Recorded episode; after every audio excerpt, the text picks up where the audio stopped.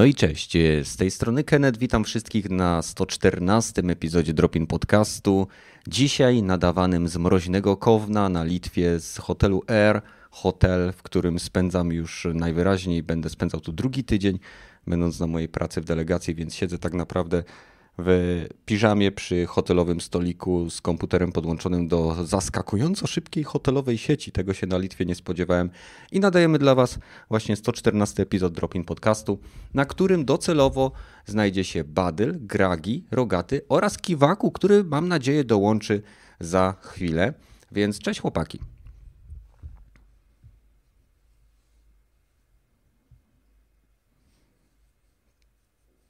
No i hej.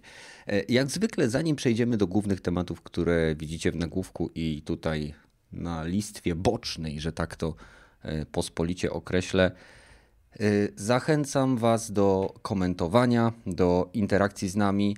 E, pamiętajcie, że ten stream, aby zapewnić jego płynność i jak najmniejszą ilość kłopotów technicznych, jest nadawany w nieco obniżonej rozdzielczości oraz obniżonej jakości. Więc jeżeli słuchacie nas na platformach podcastowych, takich jak Spotify, gdzie zachęcamy Was do subskrybowania i śledzenia naszego kanału, czy iTunes oraz Castbox, gdzie już możecie robić co chcecie to po prostu no, musimy iść na jakieś, na jakieś kompromisy, skoro mamy utrzymać niedzielną obecność tego podcastu. Badyl, co u ciebie? W co ostatnio grałeś?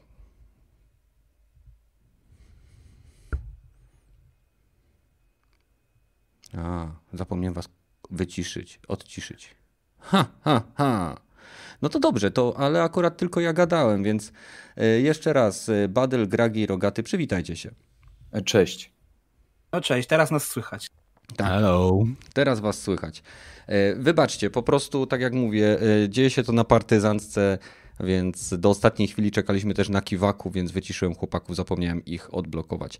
Więc wracając do Badyla. Badyl, co u ciebie? Co ciekawego tam w tygodniu się działo? E, jeżeli chodzi o gierki, to wbiłem w Apexie platynę 3 wyszedłem z platyny 4. Fajnie, co? Generalnie pewnie wszystkich to obchodzi. Nie, nikogo to kurwa nie obchodzi. Przepraszam, że to w ogóle mówię. Chciałem tylko zaznaczyć obecność Apexa w tym, w tym e, podcaście, okay. że, że dalej jest, dalej żyje. Słuchaj, Ale... wrócimy do sposobów, w jaki wbiłeś tą platynę w naszym pierwszym temacie. tak, dokładnie, dokładnie tak. E, I e, co poza tym? Poza tym wyplułem kilka, dwa materiały dotyczące mhm. cyberpunka. Coś pięknego. Tak? To znaczy, smuci mnie to, że materiał, nad którym spędziłem dwie godziny, y, ogląda się lepiej niż materiał, nad którym spędziłem, nie wiem, czworokrotność tego czasu. Mhm. No ale tak chyba jest w internecie, nie? Że głupie rzeczy się klikają e, generalnie bardziej, ale. Ale, ale, ale generalnie tyle cieszę się, że, że się udało gdzieś tam je wypchnąć e, i z tego mniej że tak powiem, popularnego jestem bardziej zadowolony i, i okay. generalnie się Ale monetyzacja się, włączona. No, tak, gdybym nie wstawił e, tego kawałka trailera, za który e, obcinami, że tak powiem, zostałem zgłoszony, dostałem roszczenia dotyczące praw autorskich, więc pewnie się mniej klika Aha. i pewnie w ogóle jest ten. Ale, ale, ale, ale generalnie w dupie to mam, bo i tak co tam trzeba mieć no. chyba tysiąc subów, nie, żeby zarabiać i jakieś tam watch time chore. Tak, tak. Mm. No, w Generalnie. Razie, tak, pamiętaj, brakuje. że klikają się głupie rzeczy, a nie głupi ludzie, dlatego akurat mój kanał ma średnią oglądalność. O Jezusie. Dobrze. Co poza tym? Poza tym, poza tym nic tak naprawdę. Mało. Nie, splatynowałem Sekiro. Splatynowałem Sekiro. To jest w ogóle coś, co, co próbowałem osiągnąć no, długi czas. Nie, żeby ta platyna była trudna, dla osoby, która ogarnia jakkolwiek Sekiro.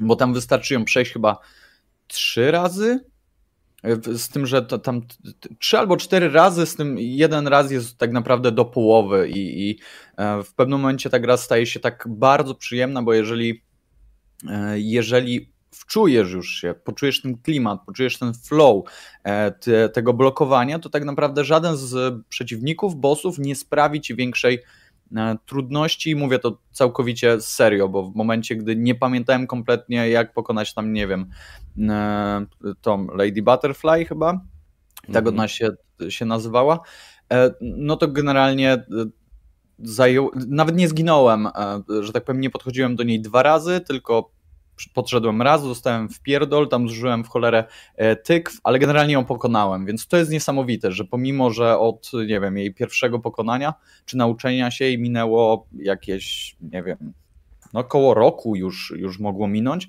na pewno kilka, e, kilka dobrych miesięcy, no to generalnie dalej pamiętam jej zachowanie, dalej wiem kiedy, kiedy, jak się zachować, ta pamięć mięśniowa dalej jest, więc to jest fajne, nie?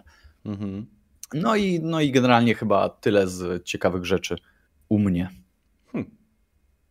No nieźle. Sajmuk pisze, że po twoim ostatnim materiale y, Iwiński nasłał na ciebie Max Taka, więc uważaj. Pozdrawiamy Iwińskiego. Pozdrawiamy pana Iwińskiego. Gragi, co u ciebie? Jak tam tydzień mija? U mnie szczerze, tak e, prawdę powiedziawszy, wiele, jeśli chodzi o sferę gamingową, się wiele nie działo. Tak naprawdę zrobiłem jeden materiał, pierwszy raz w tym roku, mam nadzieję, że nie ostatni.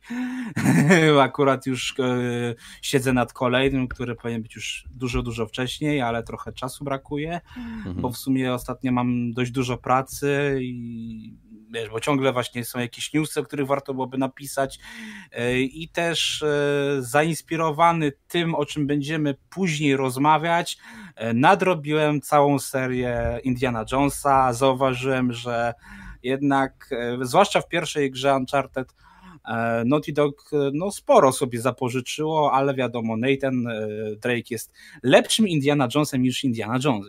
Tak u mnie ostatnie dni minęły. Bardziej mhm. na Netflixie niż na grach. Okej, okay, czyli widziałeś wszystkie trzy części Indiana Jonesa. Cztery. Jaka czwarta? Nie wiem o czym mówisz. Królestwo Kryształowej Czaszki. Jak dla mnie całkiem spoko film. Dla mnie taki... Mm, na pewno może, tak mi się wydaje, że miejscami nawet będziemy, że chyba nawet mój, mój ulubiony z dotychczasowej całej tej kwadrologii, nie? A Uf. Ja tylko przypomnę, że, to, że Gragi mówi, że The Last of Us 2 jest chujowe. Ale śmieszne. Mówi to osoba, która gra tylko w Battle Royale i nic więcej. Otóż nie. Otóż nie. Ale tak to Dobra, ja. bo, bo zaczniemy tutaj. Y, za niedługo chyba zrobimy jakiś nowy mini, mini, miniserię. Y, nie wiem, y, coś z rinkiem w nazwie, bo, bo naprawdę robią się ciekawe punkty widzenia u niektórych osób. Więc fajnie by było to, że tak powiem, wrzucić i żebyście mogli sobie posłuchać, jak to z jakąś moderacją e, dwie osoby się naparzają na jakieś tam argumenty bardziej lub mniej udane. Ale okej, okay, no to ja jestem kolejny. W ogóle Kiwaku, fajnie, że udało ci się dołączyć. Cześć, słyszysz nas? E, tak, e, komp mi się w końcu zaktualizował. Przepraszam wszystkich widzów za niedogodności. A, słuchaj, nic się nie stało. Zaraz, akurat w sam raz jesteś, w sam raz. Więc u mnie cały tydzień minął na e, zapierdzielaniu jak dzika świnia w pracy. To w sensie dosłownie bez również sobotę i dzisiaj też byłem w pracy, bo tu chodzi o to, o tym, że E, firma, dla której robimy, ma termin, gdzie w pewnym momencie przyjeżdża sobie samolot, który będzie, e, tak naprawdę to się na to mówi, stripping, e, polewany takim czymś i będzie lakier z niego ściągany, a później będzie malowany na nowo i musimy się wyrobić do przylotu tego samolotu, bo jak się okazuje, malowanie samolotów jest dosyć drogie jak się nie wyrobimy, to będą duże straty. Ale nie grałem w nic przez ten tydzień. Obejrzałem tak naprawdę kilka materiałów na YouTube E, kilka takich czysto technicznych o tym, e, jakie są główne różnice na przykład między DDR4 a DDR5, która ma e, stać się nowym standardem, jeżeli chodzi o pamięci. Obejrzałem oczywiście fantastyczny vlog pana Iwińskiego. No i kilka innych rzeczy związanych głównie z dzisiejszymi tematami. Tak naprawdę po pracy byłem tak zmęczony, że wracałem i spałem w zasadzie odkąd się wykąpałem, to się kładłem i budziłem się następnego dnia, więc u mnie absolutnie nic ciekawego się nie działo. Kiwaku, a co u ciebie? E, no ja dalej gram w The Last of Us 2, czyli tą chujową gierkę, jak to Gragi mówił, i w Animal Crossing. W Animal Crossing mam już wbite 40 godzin, więc to jest dla mnie taka mała... Chujową gierkę, którą sobie wziąłem do topki swojego roku, no także, bo to jest bardzo chujowa gierka, nie? Dobra, dobra, dobra, dobra. dobra. Sarkazm, ironia, komedia, e, kabarecik. Tak więc, tak dobra, no to grasz w, w to Animal Crossing, super fajnie, ale co sądzisz o Last of Us, skoro ciągle grasz? E, sądzę to, że jest to po prostu bardzo, bardzo dobra gra. Szczerze, ja jestem zadowolony. Jako świeżo, e, jako świeży fan, e, który wszedł w serię dosłownie miesiąc temu, no to ja jestem w pełni zadowolony z tego, co póki co dostałem. A jestem tak, no, w, nie wiem, może połowie gry. Mhm. W połowie gry, czyli kim grasz? Dalej gram Eli. Okej, okay, dobra, no to super. I, I, poza tym nic, nic ciekawego, żadnej siłki, żadnej. żadnej w sensie, w sensie um, prawie spóźniłem się na podcast, e, bo aktualizował mi się komp, a wcześniej musiałem e, na szybko jechać z kumplem, aby nagrać to, jak morsuję. E, więc tak. Nie, to ja, ja jak sobie ty robię. morsujesz, czy jak ktoś tak. morsuje? Nie, nie. Ja musiałem nagrać kumpla, jak on morsuje. W sensie nie musiałem, e, zgłosiłem się. O. A to jest dalej twój kumpel? Jak on, jak dowiedziałeś, że on morsuje? Nie no, to w celach satyrycznych oczywiście. Aha, no to chyba, że tak. a to podeślij później na naszym Discordzie linka, e, na który oczywiście bardzo gorąco Was zapraszam. Mamy własnego Discorda związanego z kanałem i z podcastem i tam znajdziecie nie tylko nas, czyli tych, tych tutaj te fantastyczne twarze, które widzicie na miniaturkach, ale także y, masę innych ciekawych kanałów YouTube, które tworzą własną zawartość. W ogóle Gragi, bardzo Cię przepraszam, że jeszcze nie stworzyłem Ci pokoiku, y, ale nie było kiedy, ale też y, musiałbyś troszeczkę częściej dodawać materiały, przynajmniej załóżmy jeden w miesiącu czy jeden na dwa tygodnie, bo później mamy tych pokoików dużo i już część pokoików teraz trafiła do archiwum.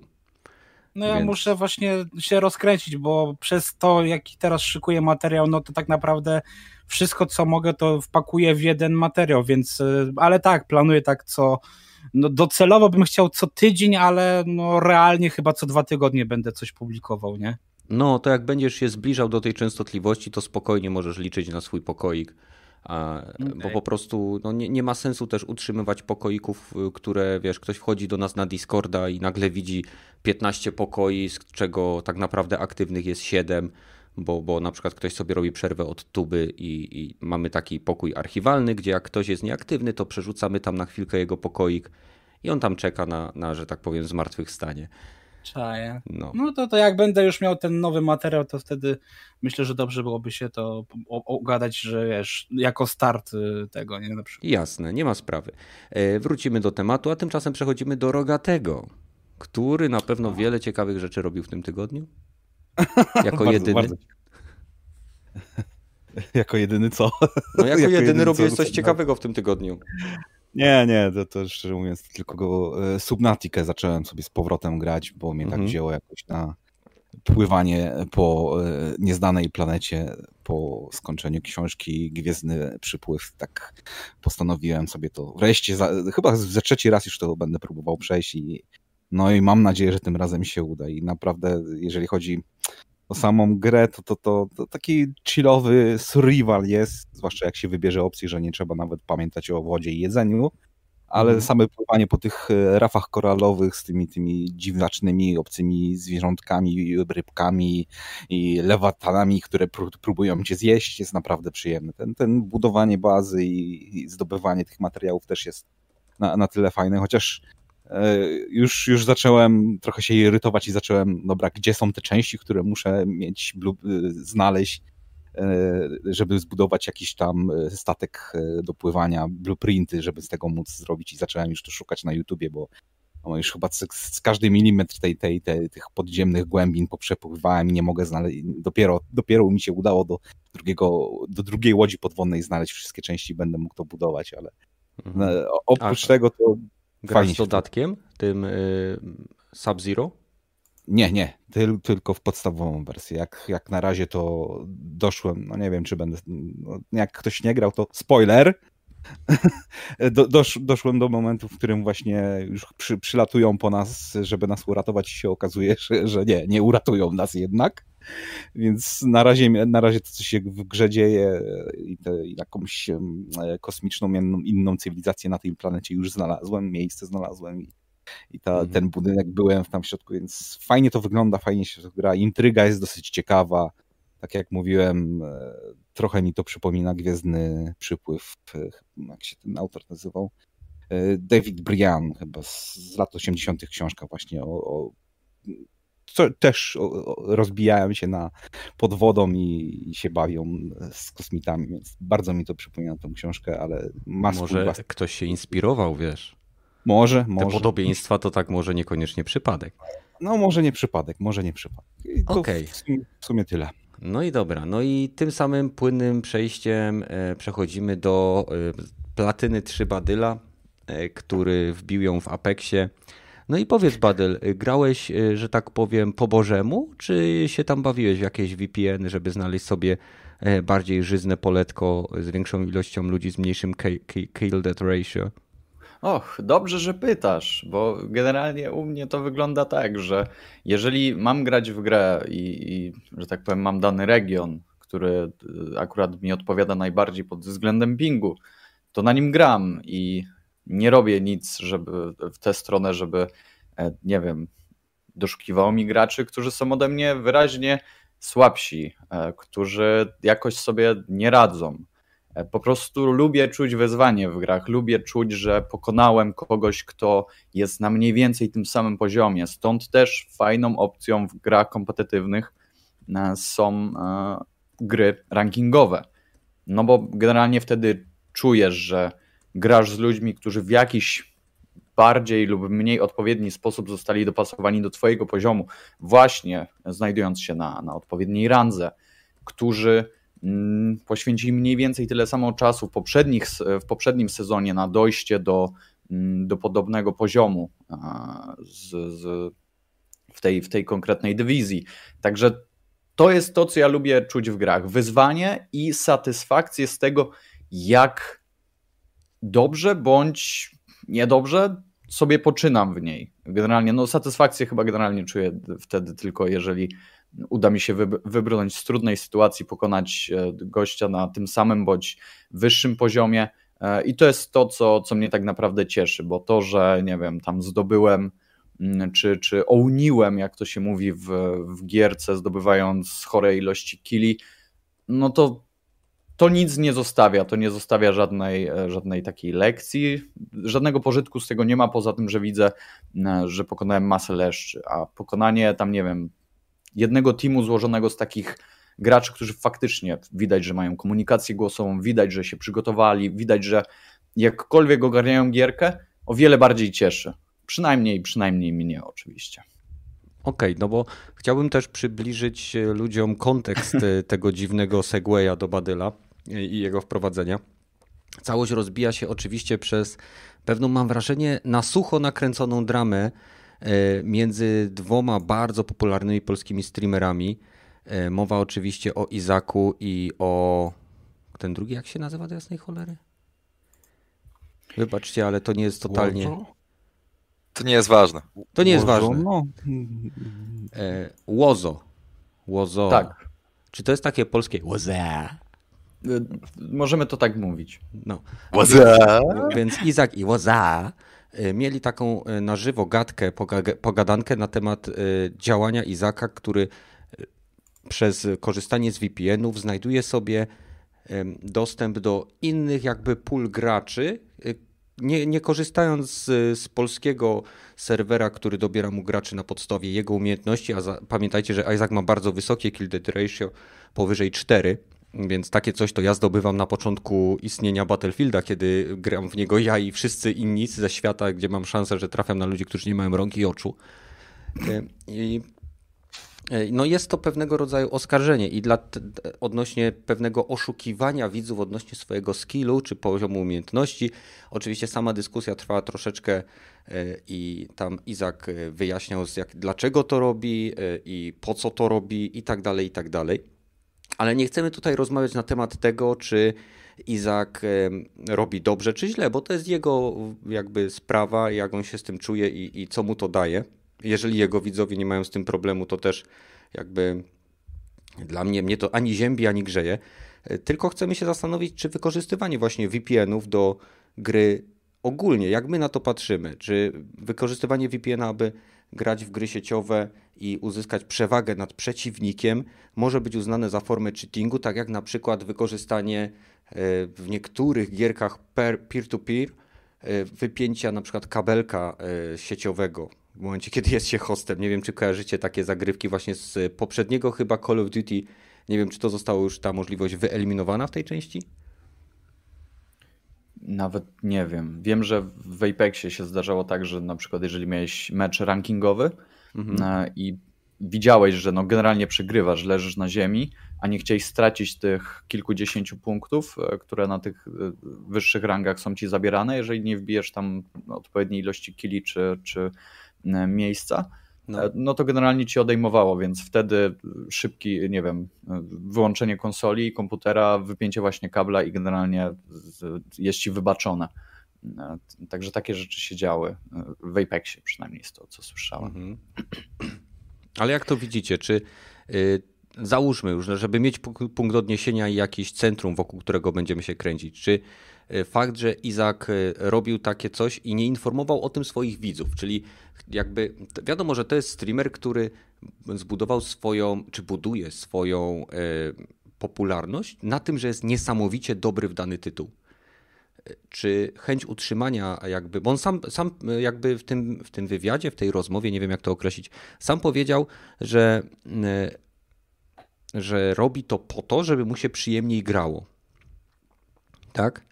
Mhm. No i, i po prostu, czy nie wiem, powinien też informować swoich streamerów, znaczy swoich e, widzów, że na przykład korzysta z takich e, właśnie myków, żeby dostać się na serwery, gdzie kill dead ratio jest, nie wiem, poniżej jednego, czy w okolicach jednego?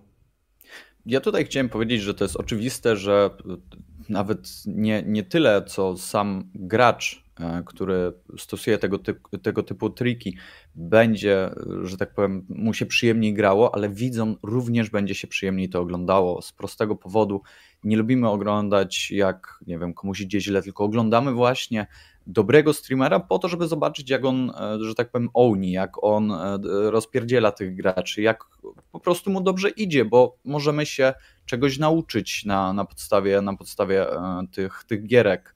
No i generalnie w momencie, gdy wchodzimy sobie na topowego, mm, na topowego streamera i widzimy, jak mu zajebiście idzie i hej, przecież on gra, tak zakładamy, na podobnych zasadach co my. On przecież też klika szukaj grę i, i, i mu losuje tam jakiś meczyk. E, no to dlaczego, że tak powiem, u mnie to nie jest takie proste? Dlaczego ja trafiam tylko na samych e, takich prograczy, na wymiataczy, nie? I, i to może doprowadzać do takich, e, wydaje mi się, sytuacji, które które mogą, mogą y, prowadzić do tego, że po prostu ludzie się będą zastanawiać, o co chodzi, dlaczego tak jest, y, będą się czuć, nie wiem, może oszukani. E, I generalnie to jest to, co, co ja chcę powiedzieć, czyli że nie wiem, czy nie powinno się wprost powiedzieć i postawić sprawę jasno, że słuchajcie, teraz będę grał na trochę innych zasadach niż wy wszyscy gracie, albo większość z was, bo zakładamy, że, że ludzie są, nie wiem, leniwi i generalnie nie chce im się szukać tego typu mm, gdzieś tam obejść. E, I no i, no i po prostu ja będę grał na takich zasadach i, i będę, będzie, wszyscy na tym korzystamy generalnie i to jest spoko argument, bo tak jak mówię, chyba, chyba wszyscy na tym, jak wszyscy korzystają, to znaczy, że jest ok tylko nie do końca mi się to wydaje być fair. Nie uważam tego za oszustwo jako takie w kontekście, no bo on gra z realnymi graczami, nie? To nie jest cheat na zasadzie wallhacka czy, czy jakiegoś tam godmoda, mhm. ale jest to nie fair troszeczkę w stosunku do ludzi, którzy oglądają ci i myślą coś innego niż jest. Tak samo w tej rozmowie między, między Łozem a, a właśnie Isaaciem pada argument, że to jest też nie fair w stosunku do innych twórców, do innych content creatorów, którzy generalnie grają na znowu innych zasadach. Mhm. No i generalnie stawianie się w ustalanie własnych reguł dla, dla danej rozgrywki, czy w zasadzie wchodzenie na trochę innym poziomie, w momencie, gdy samym jest się rozpierdalaczem, no to nie wiem, czy to jest do końca fair i, i, i nie podoba mi się to trochę. Tym bardziej, jeżeli ktoś kreuje się na pro playera, na kogoś, kto tak naprawdę no, jest topką i nie wiem po co. W sensie, jasne, podaliśmy sobie te argumenty, ale ale nie wiem, nie rozumiem. Nie no, rozumiem. Gdyby informował tego. swoich widzów, gdyby ja tu napisał, słuchajcie, dzisiaj gramy specjalnie na serwerach, e, nie wiem, w Tanzanii albo w Egipcie, ze względu na to, że tam jest mniejsza populacja graczy, więc e, mimo że trafię, załóżmy, nie wiem, na tych 150, w tych 150 czy setce, czy ilu tam akurat mu to bierze, że będzie mhm. na przykład w tej setce, nie wiem, 20% y, czy 10% graczy niesamowicie dobrych. Chcę, teraz, chcę też, żebyście się dobrze bawili oglądając to, jak ja gram, więc y, łączymy się z tym Egiptem po to, żeby właśnie było ciekawiej, żebym ja mógł pokazać wam więcej akcji ponieważ trafiając na graczy, którzy grają na poziomie niższym niż ja, e, no jestem w stanie wam dostarczyć lepszą rozrywkę. Czy gdyby coś takiego było, to uważasz, że to by było wtedy ok? Tak, tak. Uważam, hej, przecież wielu z graczy robi sobie e, nie wiem, jakiegoś rodzaju utrudnienia, czy nie wiem, ułatwienia, cokolwiek, gra na specjalnych modyfikacjach, nazwijmy tak, to. Demon Souls na bongosach. No, no dokładnie, przecież to jest podobna sytuacja, e, bo on nie używa żadnych cheatów, on nie oszukuje, on gra z ludźmi. E, tylko, żeby to było wprost powiedziane, nie? Jeżeli ja oglądam mecz z konsoli, gościa, który, że tak powiem, jest wymiataczem e, konsolowym i widzę tam, nie wiem, best player on console Apex Legends, ja wchodzę na ten stream, no to generalnie ja zakładam, że ten ktoś gra na padzie i w momencie, gdy on no tak. mnie nie poinformuje, że gra na, e, nie wiem, jakiejś tam przejściówce na e, klawiaturze i myszce, mhm. no to to już jest coś niefajnego, nie? O to mi tylko chodzi, żeby żebym ja wiedział, może, ja nie mówię tutaj o, nie wiem, randomie, który, który wchodzi i e, pierwszy raz widzi na oczy Isaaca, o ile tacy ludzie jeszcze są, tylko niech on informuje swoje community, niech ci ludzie, skoro już, nie wiem, go tam wspierają, subskrybują, są z nim, cokolwiek, no to niech oni przynajmniej się nie czują e, troszeczkę, troszeczkę nie fair, nie? Oszukani. Czy ktoś chce dodać coś jeszcze do tego tematu? Ja mogę, bo tutaj y, okay, też, tak jakby z tym się tak jakby spotkałem. E, I powiem tak, też uważam, że powinien tutaj Izak poinformować swoich widzów, bo wtedy na pewno by e, wiesz, inaczej było to odbierane, więc dlatego dobrze, że się przyznał, tylko teraz właśnie powinien regularnie mówić, że słuchajcie, teraz idę na chińskie serwery. Tym bardziej, że wiesz, problem jest też taki, że wiadomo, w Call of Duty mamy ten po prostu system, gdzie dobiera ci tych graczy tak, że są równie dobrze jak ty, równie dobrzy jak ty, więc e, jeżeli chcesz grać w Call of Duty, no to tak naprawdę musisz się cały czas pocić i to jest dlatego, ja wiesz, nie jestem w stanie to zrozumieć, e, bo faktycznie nie masz takiej możliwości innej, żeby sobie móc na luzie pograć. E, ale chciałbym tutaj jeszcze jedną rzecz zauważyć.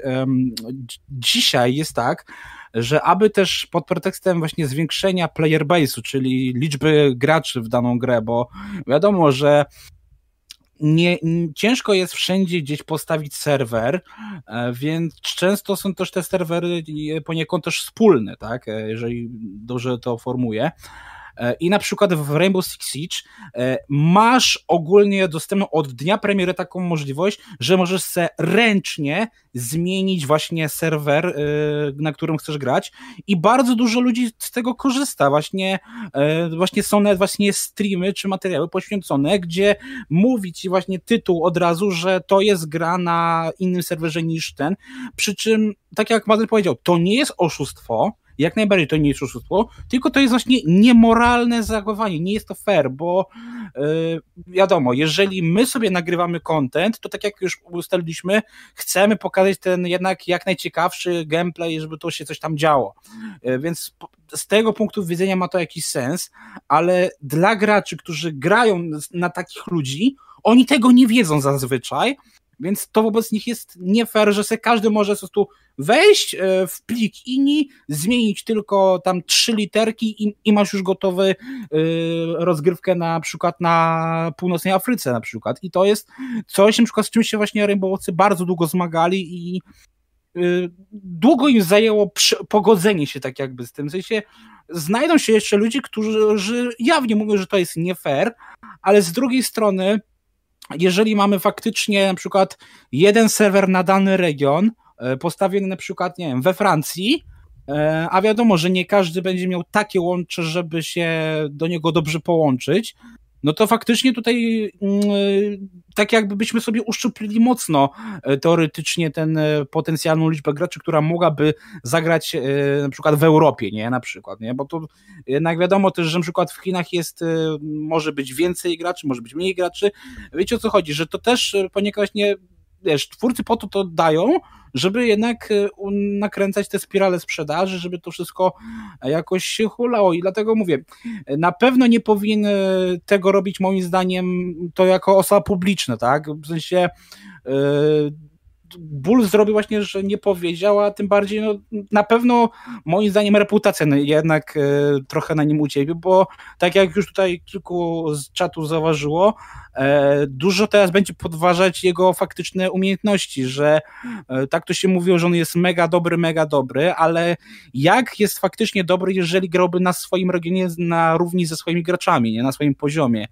I to jest właśnie to jest to, że tak naprawdę no moim zdaniem to jest takie trochę oszukiwanie samych siebie, żeby się dowartościować, że a, dzisiaj chcę sobie pograć na luzie bez żadnej spiny, no to sobie odpalę y, gdzieś tam serwer z jakiś tam Bangladeszu, nie? No mówię, tak. jak dla mnie... Wiecie, co ta sytuacja mi przypomina? Da, jakiś czas temu było popularne zjawisko smurfowania, czyli tworzenia sobie nowych kont, proplayerzy tworzyli nowe konta, na których mieli niski level, które były tak naprawdę wyzerowane pod względem e, ich, nie wiem, skilla, e, przez co trafiali do graczy, na graczy, którzy również mieli ten, ten poziom skilla na, na zerze zatrzymany, nie? Zaczynali od, od, od samego początku. I to jest trochę chyba to samo generalnie, z tym, że grasz na Nie do końca. Dalej. Dlaczego? Nie do końca. No bo smurfowanie było mhm. zjawiskiem, które nastąpiło dlatego, bo ludzie, którzy już e, zdobyli wiedzę na temat gry, chcieli wbić lepszą rangę, ale przez spieprzony w CS-ie system rang nie mogli jej wbić, więc po prostu zaczynali od nowa i dzięki swoim umiejętnościom z łatwością zdobywali takie rangi, jakie chcieli, na jakie uważali, że zasługują. No Dokładnie, okay. skoro twórca Tylko... ci daje możliwości, żeby coś takiego zrobić, to teraz właśnie to jest zasadne, że e, skoro deweloper nie ma z tym problemu, żeby właśnie zaimplementować możliwość smurfowania, że na przykład jedno konto na jedno IP e, albo coś w tym sensie, że ci deweloper nie blokuje tej mówię, ty możesz zarówno właśnie sobie wejść na inny serwer, jak i sobie kupić drugie konto i zaczynać od zera, przez co psujesz gra, e, grę innym słabszym od siebie graczom, nie? No okej, okay. ja tutaj uważam, że generalnie nie ma dużej różnicy. Nie mówię, że to są identyczne sytuacje, ale ja uważam, że nie ma dużej różnicy pomiędzy tworzeniem nowego konta, a logo, na którym jasne jest, że dobierani są gracze, którzy też niewiele potrafią.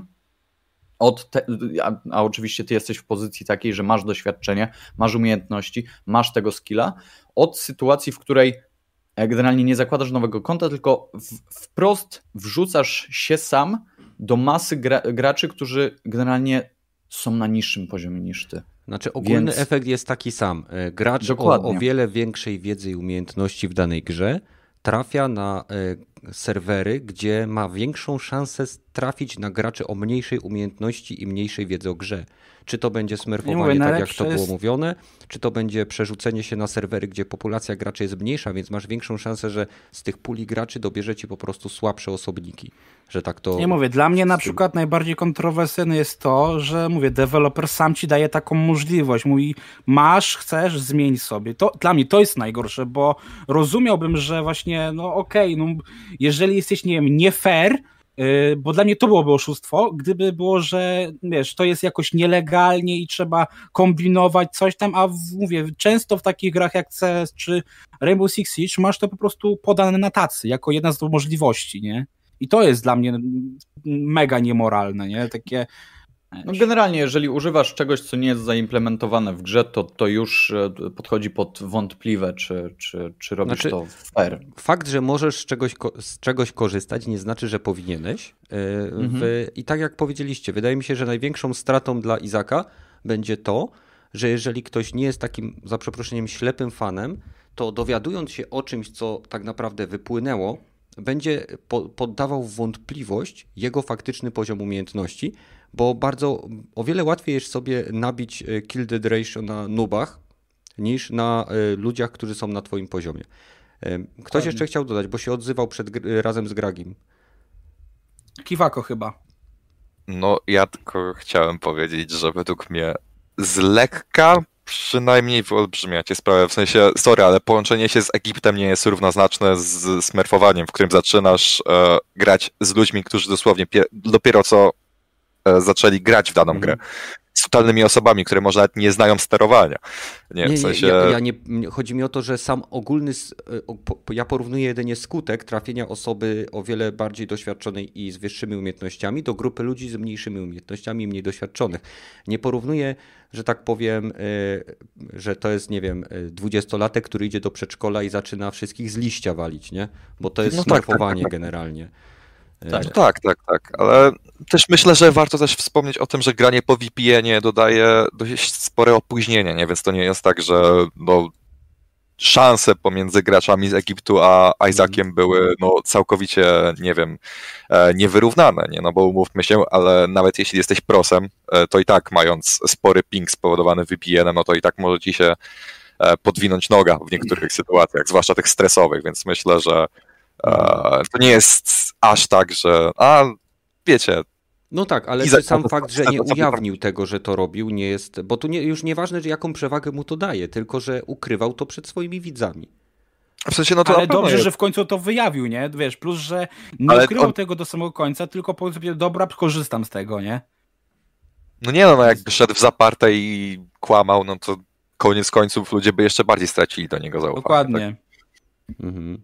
A tak to powiedzmy, że jest delikatnie czystniejszy niż mógłby być, nie? No, no to dobra, ale... Pytanie, przy, w jakich warunkach to zostało wyjaśnione, nie? On tego nie powiedział sam z siebie, to też trzeba tutaj zaznaczyć, żeby, e, żeby być On fair, po prostu nie szedł zaparcie wiem... w momencie, kiedy mu to tak. zostało przed, kiedy został postawiony przed faktem dokonanym. Tak, tak, tak, zdecydowanie. To znaczy tu, tutaj, żeby było jasne, chyba nie mamy nic do Izaka. Nie, no, o, tak jak powiedział. Nawet szacunku teraz, nie? Nie, nie. To już ty powiedziałeś. Każdy mówi za kanał. siebie. Każdy mówi za siebie. Po prostu mi się to tak zawsze ciśnie na usta, jak ktoś mówi, nie mam nic do Izaka. I tak nawet, nawet szacunku. To, to mi się zawsze tak ciśnie na usta. Zawsze. Hmm. Ja się zgadzam z Sajmukiem, e, który napisał na czacie, że bez przesady on w tym Egipcie i tak trafia na najlepszych graczy z tego regionu. Tak, ja to, to też mówiłem. Ja to też mówiłem, tylko że nawet w tym wywiadzie, czy raczej w tej rozmowie, w której to zostało mu przedstawione, y, tam był argument taki, że po prostu przez to, że populacja graczy na tym obszarze jest mniejsza, to żeby jemu znalazło mecz, to zamiast czekać 15 sekund, kiedy gra na serwerach warszawskich czy polskich, y, to czekał około minuty, bo mu dobierało na początku graczy, wiadomo, załóżmy tą setkę, a później do, uzupełniało to innymi graczami, którzy nadal y, jakby wyszukiwali i byli w innych kolejkach. Więc ja nie, nikt nie neguje jakby faktu, że on tam trafiał również na graczy, którzy byli tacy jak on lub lepsi, jeżeli chodzi o kill dead ratio, ale większą miał szansę, że spora część tych graczy, większa część tych graczy, to będą gracze, słab, gracze słabsi niż on. Jakby nie drążąc samego tematu, y, samo użycie VPN-a, aby dostać się na serwery gry w innym regionie, nie jest przeze mnie uważane za żaden jakby za, za, żaden cheating. Sam używałem VPN-a, żeby sobie stestować Stadia, kiedy nie była dostępna. Sam korzystałem z VPN-a, żeby dostać się na serwery gier MMO, które nie były dostępne w naszym kraju. Y, używałem... Teraz ludzie korzystają z VPN-a, żeby obejrzeć Mandaloriana, który nie jest dostępny w Polsce, więc... Na przykład, tak? Więc y, sam fakt jakby korzystania z VPN-a nie jest żadnym dla mnie wykroczeniem. Problemem dla mnie jest jedynie to, że będąc świadomy tego, jak to działa, bo to zostało mu jasno powiedziane, jak to działa, i on też przyznał, że to właśnie tak działa i że wszystko jest cacy i że on to rozumie, i wszyscy się tam później zgadzali, ale wszystko rozbija się, o, tak jak Gragi powiedział, o moralność ukrywania tego przed swoimi widzami y, w celu, jakby z mojej opinii, utrzymania takiego obrazu siebie jako osoby najlepszej w danym y, obszarze. I tylko o to mi chodzi, nie? No. Czy ktoś jeszcze coś chce tu dorzucić, czy przechodzimy dalej? Nikt. Izaki tak najlepszy. Co? Będzie? Dokładnie tak. W każdym razie, no, zobaczymy, jak to się rozwinie. A o, jeżeli chodzi o rozwijanie się, e, nowe licencje w obiegu, nowe, stare licencje w obiegu, powrót starych, ulubionych marek filmowych, które trafiają do innych firm. I tutaj Kiwaku bardzo chciał wziąć udział y, w tym właśnie temacie, dlatego oddaję Ci głos jako pierwszemu. Uh, Indiana Jones od Machine Games. I tutaj kropka, cyk. cyk. Tutaj możemy już dać kropkę. Star Wars od Ubisoftu, cyk. No to pytanie. E... Powiedz mi teraz, y, zacznijmy od Machine Games i Indiana Jones. Indiana Jonesa. Powiedz mi, dlaczego ekscytuje Cię ten konkretny y, franchise, te, to IP, które będzie tworzone przez Machine Games. Dlaczego? Co takiego ma y, Machine Games, co według Ciebie będzie współdziałało z Indianą Jonesem i dlaczego uważasz, że to się uda? Uważam, bo to się uda. E, uważam, że to się uda, ponieważ jest to projekt, który wyjdzie w idealnym momencie. W sensie, zanim ta gra e, ujrzy światło dzienne, no to mm. prawdopodobnie będzie 2023 albo 2022 albo 2024, nieważne. Ale chodzi mi o to po prostu, że zarówno Tomb Raider, jak i Uncharted aktualnie no, mają przerwę.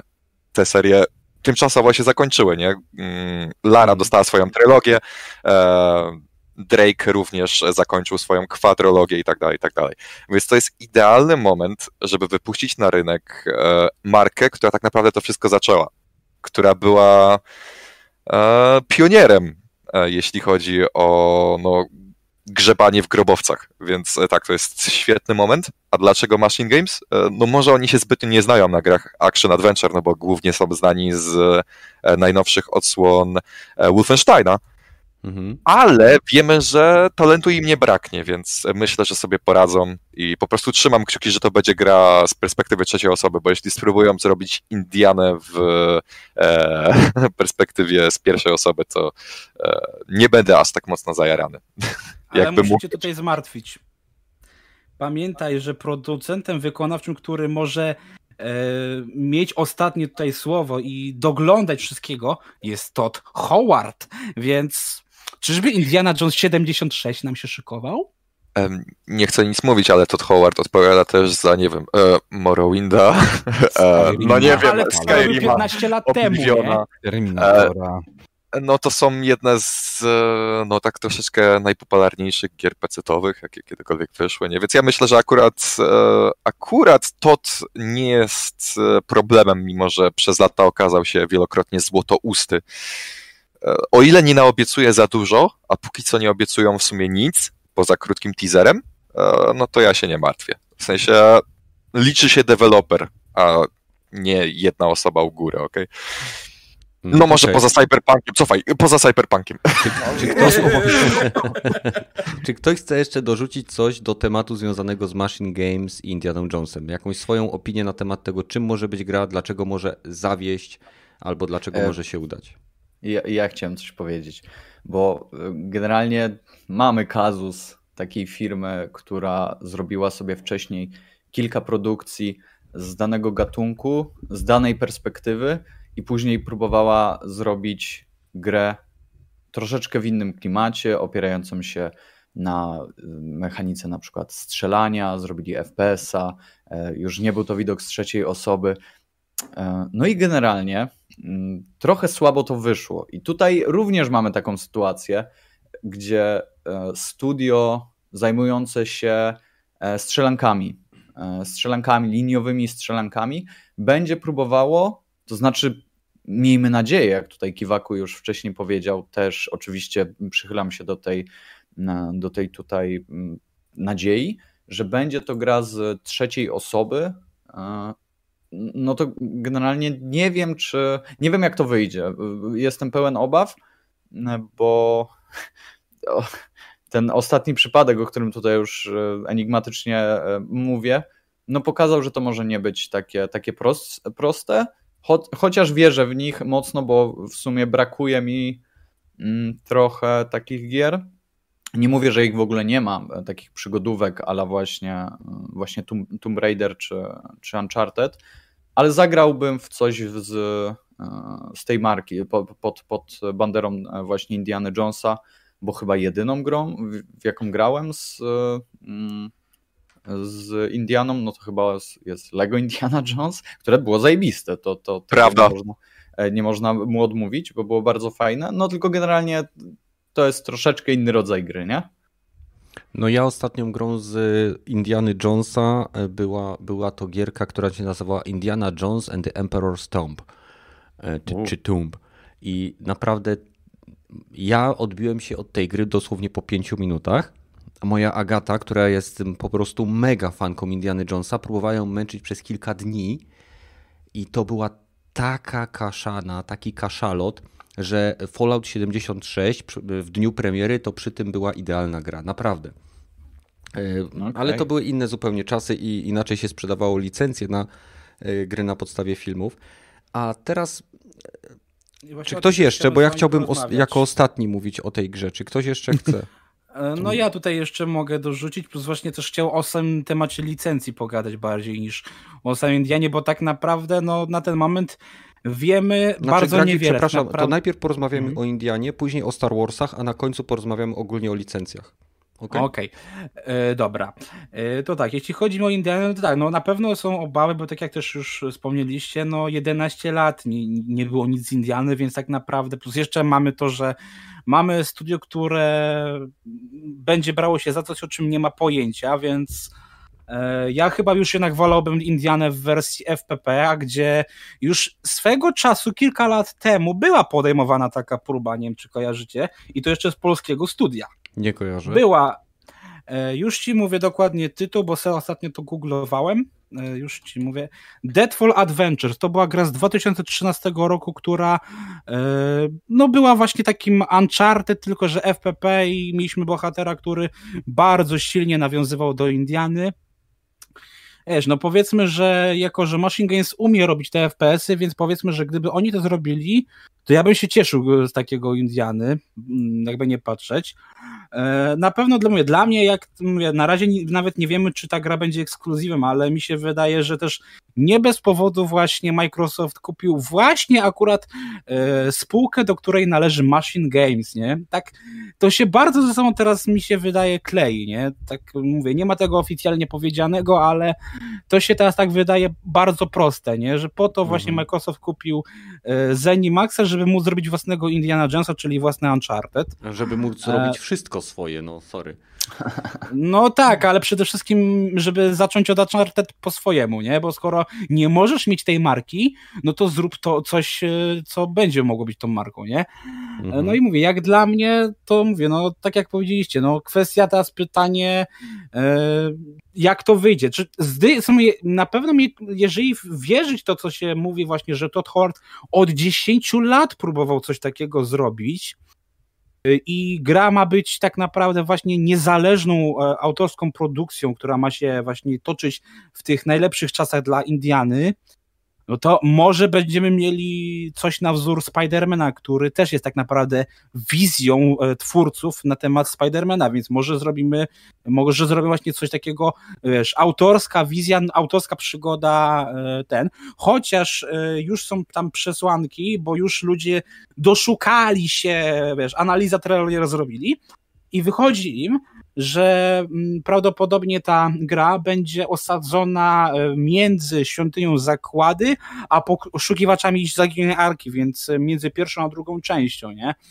Więc mhm. mówię, no ja jestem bardzo ciekaw, co z tego wyjdzie, bo mówię, na pewno mnie cieszy to i jakimś optymizmem nastrawia to, że oni nie będą próbowali zrobić e, jeden do jednego przenieść film na e, środowisko gry, tylko będą właśnie próbowali zrobić własną historię w uniwersum Indiany. I to jest coś, co dla mnie, mówię, jest takim może się udać, nie? Nie mówię, że się na pewno uda, bo jest jeszcze no to za wcześnie, żeby to powiedzieć, ale to jest coś, co już takie no to mówię, jeżeli mamy gościa, który jest fanem Indiany, no to dzisiaj mówię, jest taki właśnie, zobaczcie to, że właśnie wiele tych marek, jak Batman, jak właśnie yy, Spider-Man, zostało właśnie zrobione przez ludzi, którzy kochają tę markę i wiedzą, co zrobić, żeby to było dobre zarówno dla fanów, jak i dla graczy. Więc mówię, to, to jest coś, co ja dlatego chcę wiedzieć więcej. Nie mówię, że to jest hurdur mój taki must play, ale jest, to jest coś, że chcę o tym wiedzieć jak najwięcej w tej chwili, nie? Że to jest dla mnie na razie za mało powiedzieli, żebym się tym jarał, ale Będzie ciekawie według mnie, nie? Okej, okay. no, za mało powiedzieć, żebyś się jarał, ale lekko się już jarasz, gdzieś tam się coś tli. Rogaty, co chciałeś dodać? A, tylko, że Machine Games umie robić gry o zabijaniu nazistów. To jest dobre. A Indiana Jones to jest co przygodowe od zabijaniu nazistów. To główny przeciwnik jest zabija się nazistów. To tutaj myślę, że będzie ok. Tyle, tyle mogę mhm. powiedzieć. Krótko i na temat. Rogaty w punkt. E, słuchajcie, jeżeli chodzi o Machine Games, to e, niezależnie od tego, w jakiej perspektywie tworzyli do tej pory swoje gry, to nawet w perspektywie pierwszej osoby wszelkie sceny akcji, które były w Wolfensteinie, były wyanimowane wręcz no, mistrzowsko. E, czy to były przerywniki, czy to były półinteraktywne sekwencje, zawsze było to zrobione na poziomie filmów kina akcji e, i totalnie over the top też, no bo wiadomo, BJ Blaskowic nie idzie na, na łatwiznę. E, I nawet jeżeli by, jeżeli by się zdecydowali na gierkę z pierwszej osoby, to czy uważacie, że mogłoby to działać, y, gdyby wykorzystali to, co wiedzą z, ze swojego strzelania do nazistów w Wolfensteinie, połączonego z rzeczami, które y, na przykład można by częściowo zapożyczyć z Mirror's Edge i ogólnie jakby y, takiej, takiej tendencji do przedstawiania megafilmowych akcji, właśnie w grach przygodowych Uncharted. Na, na, to bardzo dobrze też widać właśnie w Wolfensteinie, gdzie są sceny, które autentycznie wyglądają jakby mogły być fragmentem filmu, gdzie nasz główny bohater z, z grupką kumpli, nie wiem, trafia do, to jest, mówię o starszej części, e, trafia tam do jednego z laboratoriów i musi wybrać na przykład, kto ma zginąć. Jak, jak wyobrażacie sobie, czy na przykład Harrison Ford będzie podkładał głos tej postaci? Czy. O Boże, oby nie, oby nie. Tak? No to nie, nie to, że nie lubię go, tylko że po prostu gościu już jest troszeczkę e, no dobra, jak mówię, wyjebany ma. Bardzo, bardzo jego acting naprawdę się składa do e, ja przyszłem tutaj odebrać e, czek. Aha, mhm. okej, okay, to są moje linie, to ja je przeczytam. Do widzenia Państwu. Ale tu, jeżeli chodzi o Machine Game, to to jest studio, które już 12 lat istnieje i oni umią robić właśnie gry, które są dosyć mocno nawiązujące do takich starszych tytułów i Teraz, mhm. jeżeli mają się opierać też na, na nawiązywanie do starszych tytułów, do starszych Tomb Raiderów, do, do podróżowania po świecie, to, to by było idealne. Zresztą same Machine Games powstało na bazie Starbreeze Studio. No, oni też robili takie bardzo dobre. Jak ja e, pamiętam to logo, ty gry... Starbreeze Studio, a mi się pokazało to słoneczko z tym takim uśmiechem. To są, Dokładnie. To, są, to ja to po prostu tak, widzę, tak. Jak, jak wiesz, jak, jak logo PlayStation. Jakby ktoś mówi logo PlayStation, to słyszę muzyczkę i widzę te kolorki. A Starbreeze masakra. No, no, no, więc im, im się udawało robić gry, które e, na przykład jeszcze Starbreeze, jeżeli jak robili Syndicate'a, to ja uważałem, mm. że, że co, że przerzucili się z, z takiej strategicznej czy, czy, izometrycznej strategii do e, strzelaniny pierwszej osoby i im wyszło. wyszło. Udało im się to. Tak, do, gra nie miała dobrych recenzji, nie sprzedała się za bardzo, ale mi się, się podobała ale... niesamowicie. Tak, mechanicznie i klimatycznie była super. Tak samo przecież y, z Escape for Butcher Bay, y, z, z Riddickiem, obydwie części im się moim zdaniem bardzo udały. To były, też się w sumie grało z pierwszej osoby, ale jak się już zaczynało wspinać, to się czy tam czołgać, to, to jednak te pierwsza osoba, im, jeżeli patrząc nawet te poprzednie gry, zanim jeszcze byli Machine Games, to im wychodziło to z pierwszej osoby, więc jakoś nie, nie bolałoby mnie to bardzo, jakby to było z pierwszej osoby i cutscenki z trzeciej i mhm. pokazywanie, jak to tam Indii Indie się zachowuje w cutscenkach i tym podobne. No w sumie ale nie, nie pomyślałem o tym, że może być to też gra hybrydowa, tak jak mieliśmy e, Deus Exa, ten Mankind, e, tak, tak. Human Divided czy Human Revolution, tak, o ile dobrze kojarzę, gdzie mieliśmy grę z pierwszej osoby, a w momencie, kiedy się skradaliśmy, a pamiętajcie, że e, jakby gameplay stealth jest zawsze częścią każdego filmu, gameplay stealth jest częścią każdego filmu, tak. Skradanie się jest częścią każdego filmu Indiana Jonesa. Zawsze mamy sekcję, gdzie Indy musi się gdzieś przedostać, żeby po podejrzeć, co robi akurat złoczyńca lub coś innego się ciekawego dzieje. Zawsze są te sceny. Zawsze są sceny, gdzie mamy jakąś pułapkę, rozwiązanie jakiejś łamigłówki. Y, zawsze są elementy nadprzyrodzone. I to jest, to jest właśnie to, dlaczego wielu osobom nie podobało się Królestwo Kryształowej Czaszki, bo zamieniono elementy nadprzyrodzone na kosmitów, co bardzo wielu fanom nie przypadło do gustu, ponieważ Indiana Jones nigdy nie było o kosmitach. I, i... Mm, Atlantyda to też. No, nie, nie, nie wiem, nie pamiętam, ale w, w tym point and clicku chyba pierwszym, jaki był z e, Fate of Atlantis, to też takie jakieś. Tak, tak, ale ja mówię o filmach tutaj, konkretnie niby, o filmach, tak, nie? bo oni tak, będą tak.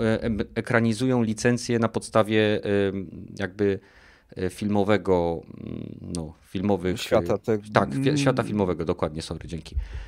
Więc robili do tej pory gry wysokiej jakości.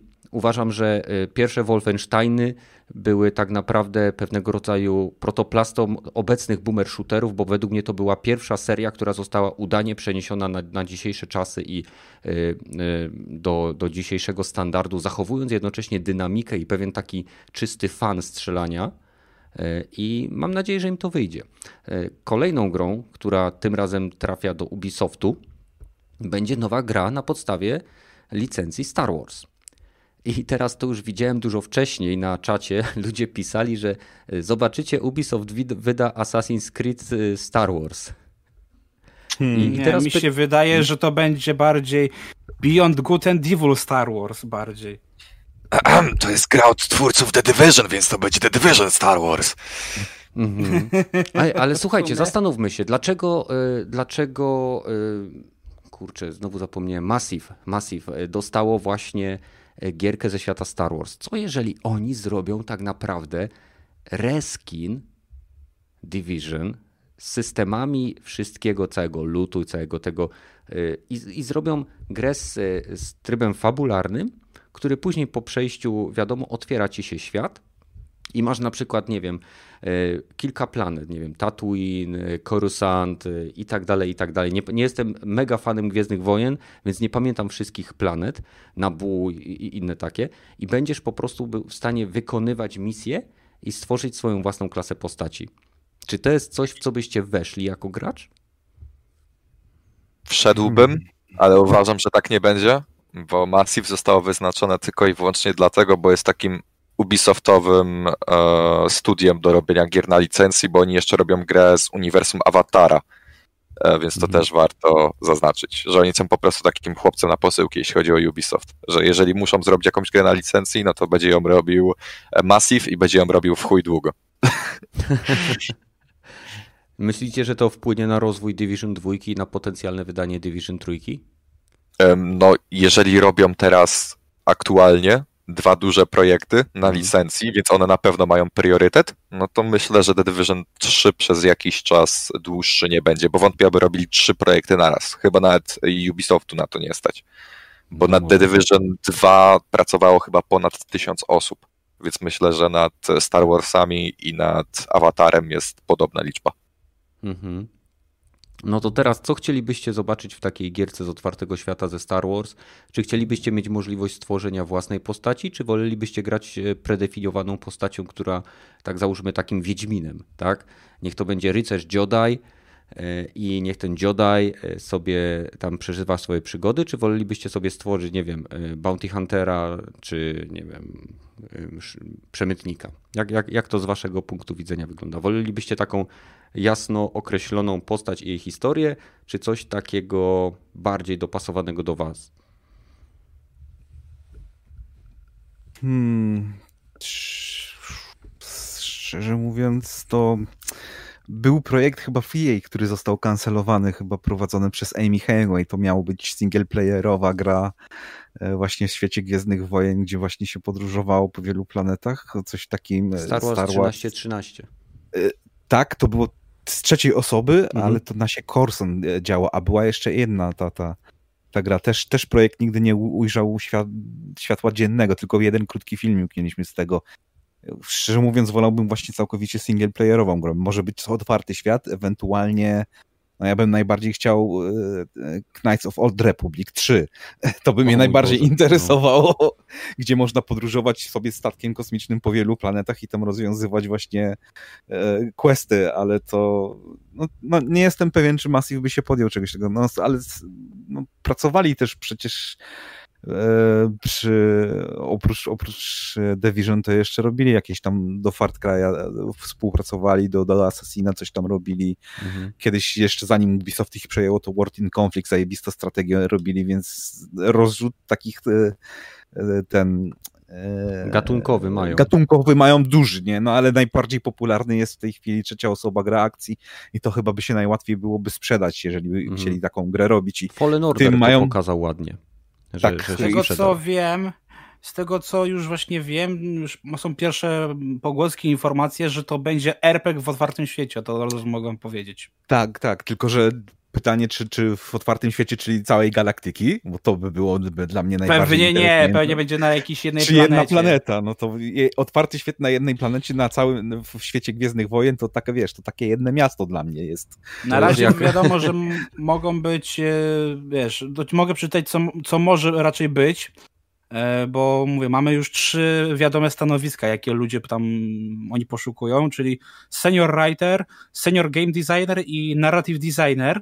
I pierwszy miałby się zająć opisami szczegółowymi przedmiotów, uzupełnieniem treści dzienników zadań, e, które poszerzałyby wiedzę o grze, E, I ten scenarzysta miałby też kreować rozmaite postacie, które miały być też mieć rozwijaną osobowość i też bogate dialogi, więc no mi się wydaje, że to może być takie coś nawet jak e, Tfu Tfu Antem. E, wiesz, druga osoba miałaby się e, skupić na projekcie systemu walki, gdzie nie tylko będą wrogie postacie, ale także mechaniczne istoty typu AT-AT, E, Więc to mówię, mi się wydaje, że to my będziemy na takim właśnie bardzo dużej planecie wrzuceni i się wiesz, tam różne rzeczy się Znaczy, będą pamiętajmy, że ta gra na pewno będzie powstawała już z myślą tylko o konsolach obecnej generacji i PC-tach obecnej generacji. Więc y, to, że Hmm. tutaj ktoś mówi, że wolałby jedną planetę, ale mega dopracowaną, nie jest akurat tak grubymi nićmi szyte, ale ja osobiście uważam, że Gwiezdne Wojny to jest pewnego rodzaju podróż. Każdy film, każda trylogia czy część trylogii mówi o podróży głównego bohatera, który przechodzi z punktu wyjścia przez y, pewne, pewien, pewien szczyt swoich możliwości, przez pewien upadek swojego ducha, do momentu, kiedy zbiera się w sobie, z, zaczyna rozumieć, że liczy się coś więcej niż to, co akurat się działo, i później staje przeciwko wszystkiemu i zwycięża. Tak? To jest y, dosłownie ta sama historia w każdym, y, w każdych Gwiezdnych Wojnach. I jeżeli oni chcą zrobić singleplayerową gierkę, która odniesie sukces, to według mnie powinni się trzymać tego schematu i dać graczom możliwość odwiedzenia przynajmniej, nie wiem, dwóch, trzech, czterech planet. I to nie muszą być y, planety. Pamiętajcie, że otwarty świat nie oznacza, że musi być cała planeta. Mamy taką grę jak Division, która jest grą z otwartym światem. To nie znaczy, że mamy całą planetę. Tak? Mamy Chicago czy Nowy Jork i to są bardzo duże, otwarte obszary. Washington, Washington, A co powiedziałem? Chicago. e, Chicago, O, nieważne. Waszy- Waszyngton, No to w faktycznie. pierwszym Watch Dogsie to było. Nie, w, nie, nie, ja mówię o y, Division. Waszyngton i Nowy Jork był. No ale w dwójce też już dodali Nowy Jork y, w Warlords of New York. Y, W każdym prawda. razie otwarty świat nie oznacza nieograniczonych możliwości, a Gwiezdne Wojny to też możliwość przemieszczania się między planetami i to musi być w jakiś sposób rea- zrealizowane, bo inaczej No, wyglądało musiałaby być to dosyć- nas, naprawdę niesamowita historia i niesamowite postacie, żeby gracze zaakceptowali uwięzienie na jednej planecie. No, no może by właśnie coś z tym 13-13 zrobili, ale z tym właśnie bycie, nie bycie Jedim, tylko bycie Bounty Hunterem i Mhm. teraz mamy falę, no przecież kurwa Mandalorian jest najpopularniejszy, czy by się Słuszna zostało uwaga. Mandalorianem i, i, i by się podróżowało po wielu planetach, żeby zdo- zdobywać e, Bounty Hunters, bycie tam by było niesamowite dla większości ludzi, no, ale nie wiem czy nie wiem, jak daleko gra jest, czy to dopiero początek projektu, czy, czy, czy dobra, już mamy jakiś koncept, tylko musimy teraz go dowieść, więc Hmm. nie wiem, w którą stronę by chcieli pójść. Ale przynajmniej nie EA, o, tak powiem, przynajmniej nie EA. No tak, Ale, ale będzie no. też Jest tworzyć dużo swoje lepsze, gry. ale przynajmniej nie EA. Robi nową grę ze świata Gwiezdnych Wojen, tylko. Oni też robią, oni też swoją robią. Wiem, ale okej, Mhm. EA miało swoje szanse. Rogue Squadron im całkiem wyszedł. To, że tobie nie działa, to już wina konsoli. No to i wina konsoli, też, też mi się tak wydaje. No. E, W każdym sensie- razie, no.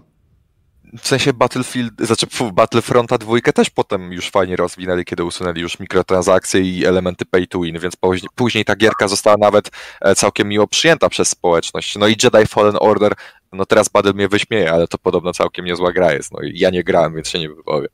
Nie graj, nie graj w to. Ej, wyszła łatka na PS5 i gierka teraz działa w 60 stabilnych klatkach i y, nawet z podbitą rozdziałką. I to jest A tylko nadal w mi- trybie wstecznej kompatybilności. A powiedz mi, czy y, w tej łatce dostał, y, Boże, zostały też zawarte na przykład, nie wiem, jakkolwiek interesujące postacie, nie wiem, zostało to jakkolwiek przemodelowane, bo te, które były w Fallen Order były tak nudne, tak kurwa bezsensowne, czy te wszystkie glicze i bzdury w tej Mhm. grze zostały załatane, nie wydaje mi się. Mi E, też się nie dlatego- wydaje, Badyl. E, W sensie, ja nie mówię, że to jest, to jest okej gierka, spodziewałem się Właśnie, czegoś to jest więcej. okej gierka. To jest Tak, gierka tak. okej, tak jak, tak jak y, Cyberpunk. Tak, o, do, o, to, to, to, to, to jest bardzo, no tylko Cyberpunk najgorsze jest to, że on jest ok przez te wszystkie błędy z nim związane, bo gdyby działał tak jak nam było, było obi- obiecywane, no to generalnie y, nie stałby koło Fallen Order, ale No nie, nie, nie. wyszło jak wyszło. Postacie tam są o wiele ciekawsze niż. y, y, Jedna postać w Cyberpunku jest o wiele ciekawsza niż wszystkie postacie z Fallen Order razem wzięte. No dokładnie i to jest najgorszy problem. Najlepszym przykładem jest jeden z takich fajnych NPC-ków, którzy grają sobie muzyczki w mieście i sposób, w jaki on gra na gitarze, jest autentycznym odwzorowaniem ruchów, jakie gitarzysta musiałby wykonać, żeby zagrać daną melodię. No. A ta postać Ale- niewiele mówi. Ale AI nie działa. No słuchaj, no No, nie mieli czasu, okej? Gitarkę musieli programować, o co ci dokładnie, chodzi? No. stary, no wyluzuj. Priorytety. Umiesz grać na Wiem. gitarze? No, No, a to AI też nie umiało i poszła cała nauka w, w naukę i AI do grania na gitarze. Po prostu skopiowali dane z The Last of Us 2 i po sprawie. Dokładnie. to to. Sama Eli ich tam ćwiczyła, on me. Serio. E, Ale okej, czyli zakładamy, zau- zauważcie jak to od razu w przypadku Gwiezdnych Wojen i y, dewelopera, który tworzy gry z trzeciej osoby, automatycznie wrzuca nam, że to będzie gierka z trzeciej osoby. Nie? Tak jak w przypadku Machine Games zakładamy, że może być szansa na pierwszą, tutaj w ogóle nie bierzemy tego pod uwagę. Myślicie, że mo- mogliby zrobić y, gierkę z pierwszej, tak jak mieliśmy, y, to był Jedi Outcast, o ile dobrze kojarzę? chciałbym. Jedi Academy? Nie chciałbym. Jedi Academy, Dark Force, e, Republic Commando Ja 2. najbardziej, Republic Commando 2 jakby zrobili, to bym się autentycznie posikał po kostkach. Dokładnie. Niech dokończą tą historię. Na takim cliffhangerze się ta gra skończyła, że szlak trafisz. Lepiej rogaty. Niech zrobią remake jedynki i wydadzą kontynuację. O, To było coś pięknego. Jezu, lubicie atlety, Boże. Jedna z, To nie Activision, okej? jedna Activision z tylko niewielu takie gierek, rzeczy. gdzie się grało po złej stronie. no. No wiesz, no wiadomo, no ale byłeś w tym y, elitarnym s- y, Stormtrooper Commando, nie? Wykonałeś Order już 66, nie? No, wtedy chyba jeszcze go nie było. Czy mi się wydaje? Sam koniec był chyba.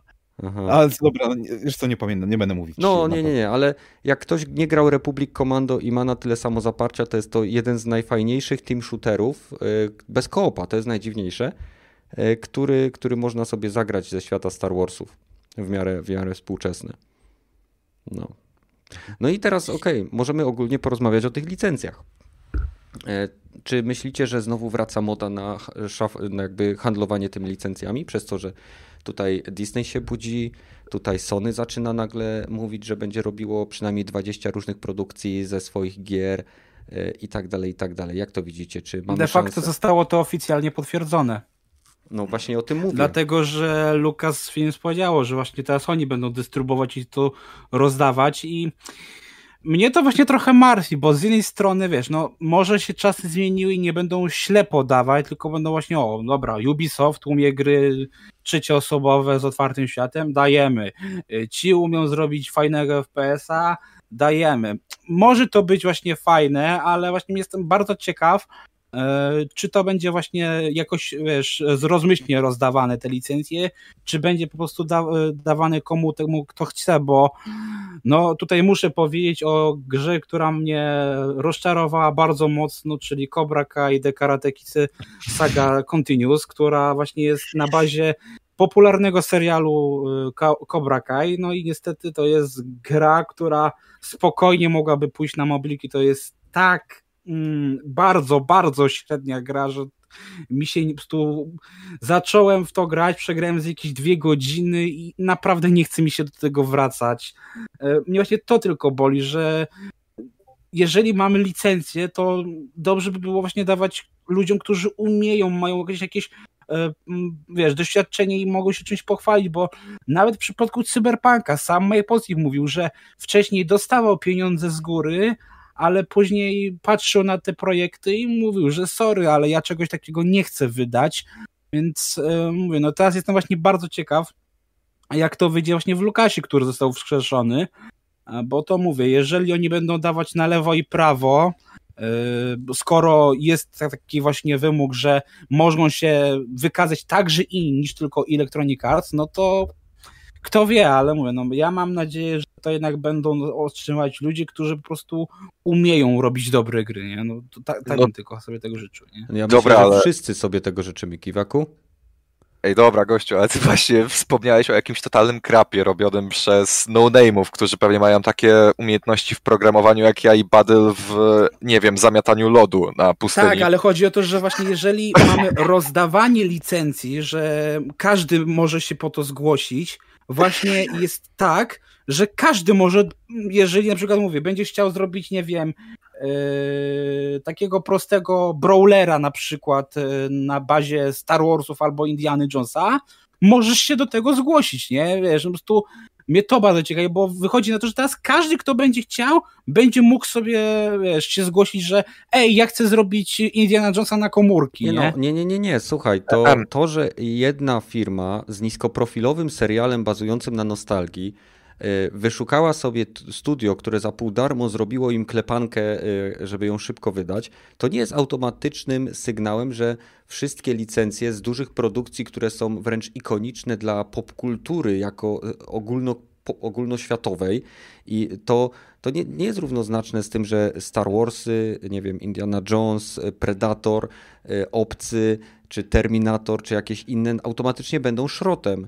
Y, bo nie można porównywać Cobra Kai czy Karate Kid do produkcji, które y, po prostu takich, no, które zdefiniowały niekiedy okres dorastania całego pokolenia, jak właśnie Gwiezdne Wojny, Star Trek, Indiana Jones y, i tak dalej, i tak dalej. No, Predator, Terminator, Obcy, to są po prostu zupełnie inne poziomy inwestycji w taką produkcję i jasne, one czasem potrafią wybuchną, wybuchnąć w twarz takiej firmie, która zgłasza to, bo ktoś, kto po prostu ma kasę, tak jak EA, zapłaciło sobie za licencję na Star Warsy i będą teraz klepać Star Warsy do, do ustranej śmierci.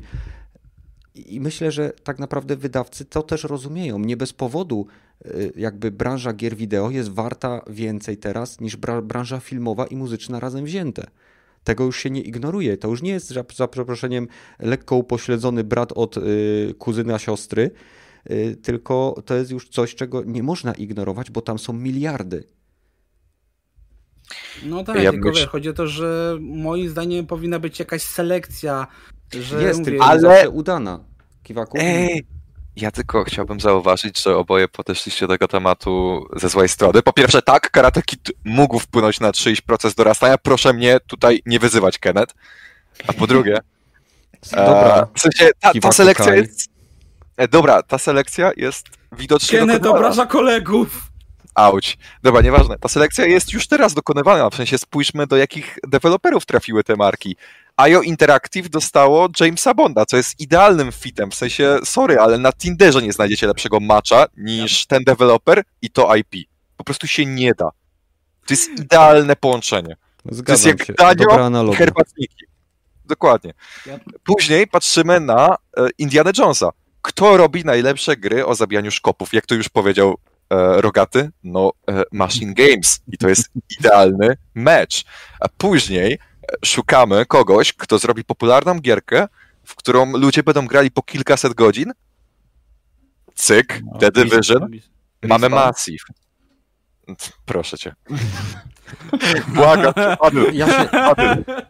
Chyba nie widzieliście, ile ma w Apexie, kurwa. Musiał. W sensie, no póki co, to jest idealna selekcja, szczerze. Jeżeli dalej będą leciały takie fity, no to będziemy mieli najlepsze gry na licencji od wielu, wielu, wielu, wielu lat. No, Naprawdę. byłoby super. W sumie tak sobie teraz pomyśl, że na przykład takiego Indiana Jonesa w FPP na przykład mogłoby teraz zrobić Naughty Dog i takie o mój Boże. Sobie teraz to wyobraź. Ja sobie nie wyobrażam Naughty Mogliby Dog, wtedy e, zrobić Uncharted, tylko że pod inną nazwą, nie? Nie, jeżeli chodzi o e, Nie. strzelanki z pierwszej osoby, to w ślepo jestem w stanie kupić gierkę od Insomniaków, bo grałem w ich gierki z pierwszej osoby i wiem, że oni e, bardzo, bardzo potrafią strzelanki, zwłaszcza z fajnymi brońmi. E, Mają niesamowicie kreatywnych ludzi od tego, ale no, tak naprawdę większość studiów od Sony, które można by wymienić, to są gierki akcji z trzeciej osoby i to jest najsmutniejsze, że brakuje mi tu różnorodności. Ale wracając do tych licencji. Mm. E, Mamy teraz licencję, czyli tak jak mówiłeś, mamy e, 007, czyli Jamesa Bonda, mamy Gwiezdne Wojny, mamy Indiana Jonesa. Jakie gierki jeszcze chcielibyście zobaczyć, żeby wróciły na licencji? tak troszeczkę, jeżeli chodzi o Gwiezdne Wojny- to ja bym był za, nawet jeżeli by ta licencja by była rozdawana każdemu, co by chciał zrobić dobrą grę. Bo to, że ilość na przykład modów, które Gwiezdnych Wojen i ilość gier, które kiedyś powstawały w świecie Gwiezdnych Wojen jest Mhm. naprawdę duża. Ilość ludzi, którzy na przykład mieli pomysł na Gwiezdne Wojny, ale nie mieli licencji, że Double Damage mi się po, przypomina, twórcy Rebel Galaxy. Oni pitchowali to chyba EA w 2016, że mamy grę gdzie, przypominającą bardzo X-Wings vs. TIE albo właściwie X-Wing Alliance, gdzie się lata ofen X-Wingiem i Sokołem Millennium i się walczy z Imperium. To dos, dosłownie to jest e, no, miód, to co pokazali na tym ich filmie pitchowym. To, to było demo, które tylko wyciekło chyba w 2018, tylko filmik e, krótki z tego, chyba może 5 minut trwa i to im, szczerze mówiąc, wyglądało na, na ten czas lepiej niż to, co e, Squadron teraz e, pokazuje, jeżeli mówimy o, o strzelaninкach w kosmosie, ale jeżeli chodzi o licencję, to od lat na przykład e, ten Gameswork rozdaje wszystkie swoje licencje każdemu, kto ch- chce zrobić grę w świecie Warhammera albo Warhammera 40 tysięcy i część tych gier jest chujowych, a część jest niesamowitych. Roz, rozrzut jak gier, które można zrobić w świecie Gwiezdnych Wojen jest taka wielka, że hej, no, nie obraziłbym się, jakbyśmy mieli nową strategię w świecie e, ten e, Gwiezdnych Wojen, jak Empire at War, że całą galaktyką się zarządza i się walczy pomiędzy rebelianci a, a, ci, a Imperium e, na całej galaktyce i buduje się statki i tym podobne, więc tą licencję mogli moim zdaniem wszystkim, wszystkim dawać, a najlepsze i tak by wypłynęły na, na powierzchnię takie giery. Mhm. Ja bym chciał Gambit Królowej. XD! XD! Rozumiem, że chciałbyś po prostu taką gierkę, gdzie naprzeciwko siebie widzisz tą e, królową mhm, Mhm. e, i po prostu mógłbyś cały dzień patrzeć jej w oczy. No i myśleć nad ruchem, tak? No ja już wiem, nad jakim ruchem ty byś myślał. E, No, no, no. ale widzicie, każdy się ucieszył, każdy by chciał. A czemu nikt nie prosi? No nie wiem. Czemu nikt nie pomyśli? Słuchaj, y, weźcie z kiwaku, przestańcie zamiatać pustynię z lotu i zgłoście się po licencję na Gambit Królowej. No, zaprogramujemy lepszą gierkę niż Karate Kid Saga Continues. We, we, weźmiemy tego, weźmiemy Hensha i poprosimy go, żeby przerzucił się Ej, z karty. Henry by napisał lepszą grę. Sorry. na kartce. Sam. Na kartce. Na kartce, na kartce by lepszą grę napisał. Karciankę by trzepnął. E, dobra, no to okej. Ale nadal jakby mm, nie usłyszałem, jakie filmy chcielibyście zobaczyć w postaci gier. Rogaty coś tam powiedział, ale od was nie słyszałem. Gragi, co ty byś chciał zobaczyć? E, Co ja bym chciał zobaczyć? Wiesz co, dobre pytanie. E, Na pewno chciałbym zobaczyć kontynuację Spidermana, e, czyli to, co już jest, a z takich, co już ten, to tak właśnie jeszcze przeglądam, bo też Geoff Cayley wystosował identyczne zapytanie i na przykład rzuciła mi się bardzo fajna propozycja, że ten na przykład Pireci z Karaibów od Insomnia Games, na przykład. Ja bym chciał coś takiego zobaczyć. Nie. E, Ja bym Czemu wolał nie? od Ubisoftu. Zdecydowanie tak. O. Serio, Black Flag zasługuje na kontynuację. Yep. No w sumie de facto Ubisoft próbował coś takiego zrobić ze Skull and Bones, ale umarło to chyba i nikt już o tym nie Mhm. pamięta. E, Na pewno ja chciałbym lepszą grę o Cobra Kai, na przykład robioną przez e, e, gościa od Tekkena, czyli Hara radę, także no na pewno przy, przydałoby się taka bijatyka dobra na licencji, ja bym się nie pogniewał. Mhm. A czy coś jeszcze? Tak mi teraz w sumie nie przychodzi jeszcze tak bardzo do głowy, nie? W tej chwili. Musiałbym jeszcze tak chwilę Ja jeszcze poszukać. chciałbym tutaj wrócić do e, gry na podstawie Gambitu Królowej. E, bardzo trafny e, slogan reklamowy dla tej gry. Gambit Królowej zbije ci konia jednym ruchem. no, o Jezu! My generalnie, my generalnie załatwiliśmy im cały marketing. Tak jest. Zrobiliśmy im grę właściwie. W zasadzie tylko... tak. Pro, proszę, wziąć ten pomysł i zrobić grę. I 10% Albo dla Badyla i Kiwaku. Ja nie, nie chcę pieniędzy, ja chcę zagrać w tę grę. Chcesz spotkać tą aktorkę. I zagrać w nią szachy. Samymi końmi. Nie. Głupi faceci, głupi. Głupi, jesteśmy prości i prostaccy. Zaraz dostaniemy y, bana z YouTube'a.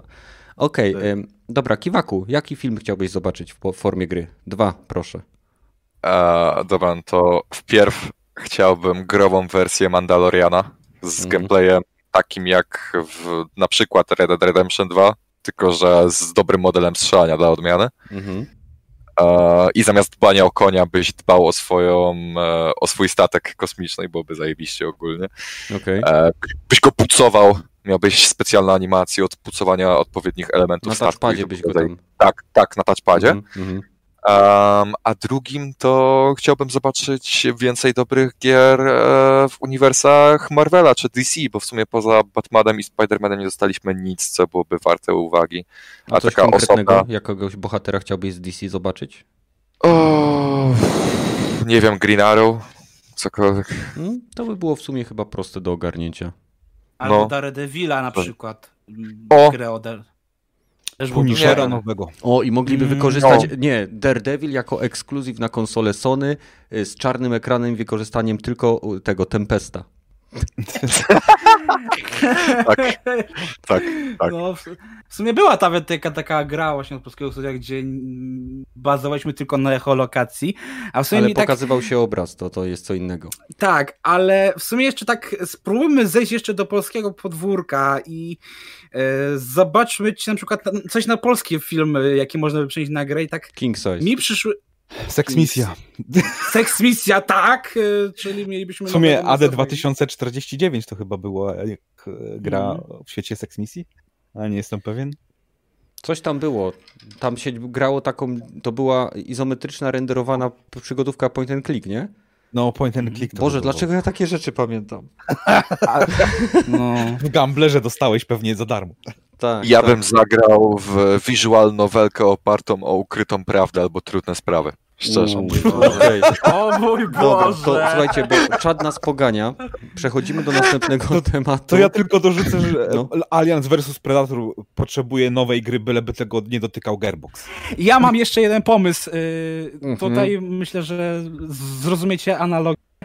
Kogel Mogel The Game od Cyber, ten CD Projekt Red. Hmm. Nie rozumiem. Czyli pomieszanie z poplątaniem. Wiesz, gdzie masz chaos totalny, rozpierdol kto z kim, dlaczego.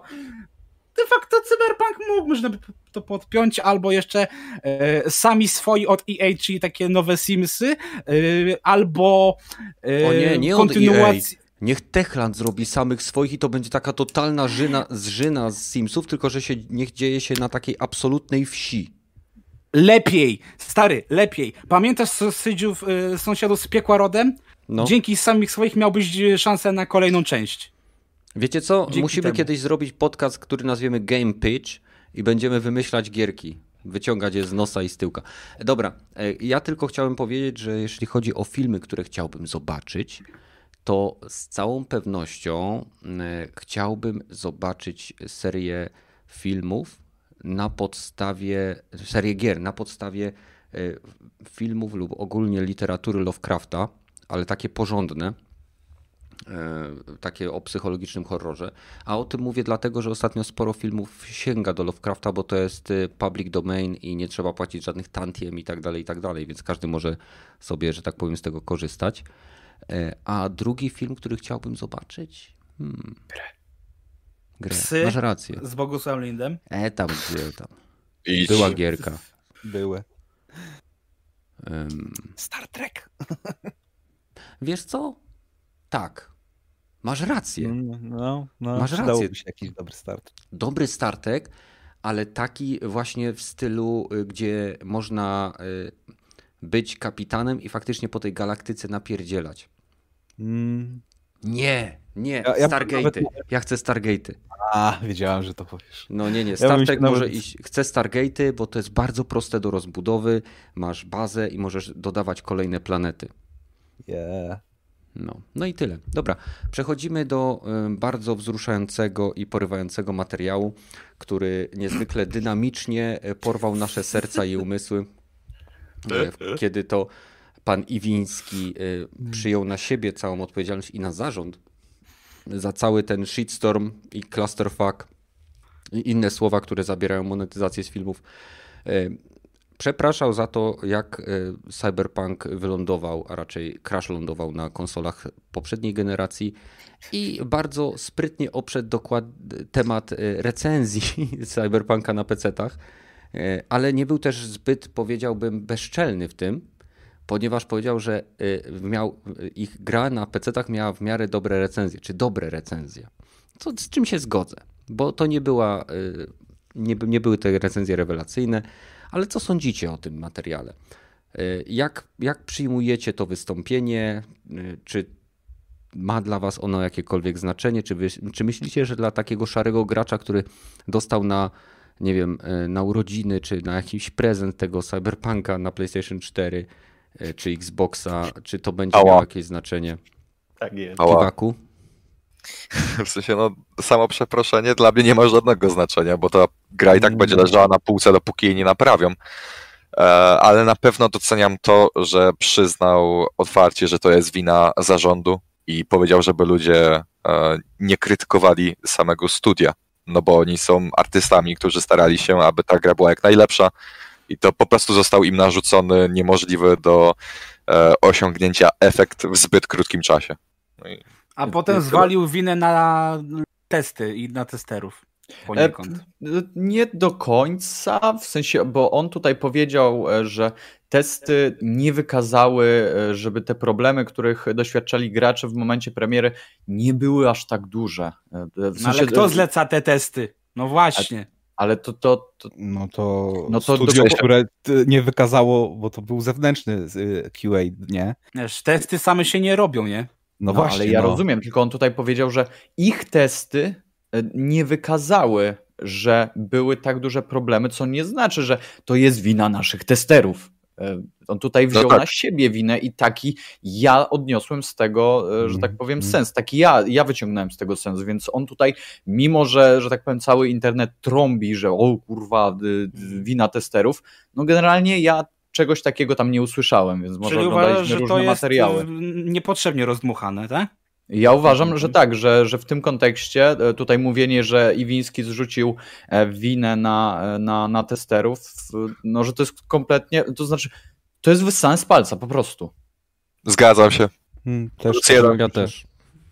Także to jest takie, wiesz, przypieprzanie się do. Bo on powiedział, że testy nie wykazały tak dużych problemów. I on tylko tyle powiedział. To ani nie, nie idzie w QI, to, to, to nie idzie nigdzie. Po prostu powiedział, że oni tego nie doświadczyli, bo generalnie mogło tak być. Co prawda, nie wiem, wątpię w to, kurwa, bo, bo, bo nie wiem, w sensie, jeżeli wszystkie planety ułożyłyby się w taki sposób, że generalnie e, QI miałoby, nie wiem, t, t, ten kod by się tak układał, że oni nie mogli tego widzieć. I, y, szczerze chciałbym w to wierzyć, ale no, no, No, ale nie na Nie tym no wiesz, poziomie. ja wierzę w to, że oni nie mieli problemów, skoro grali na, wiesz, RTX-ach i no trudno, żeby mieli jakiekolwiek tam problemy, Ale nie? Na, mówimy o na testach starszych wersji komputerach. konsolowej. Kon- Jeżeli O. mówimy o testach wersji konsolowej... A myślisz, że oni pomiędzy- grali na tej wersji konsolowej? skończyć, dobrze?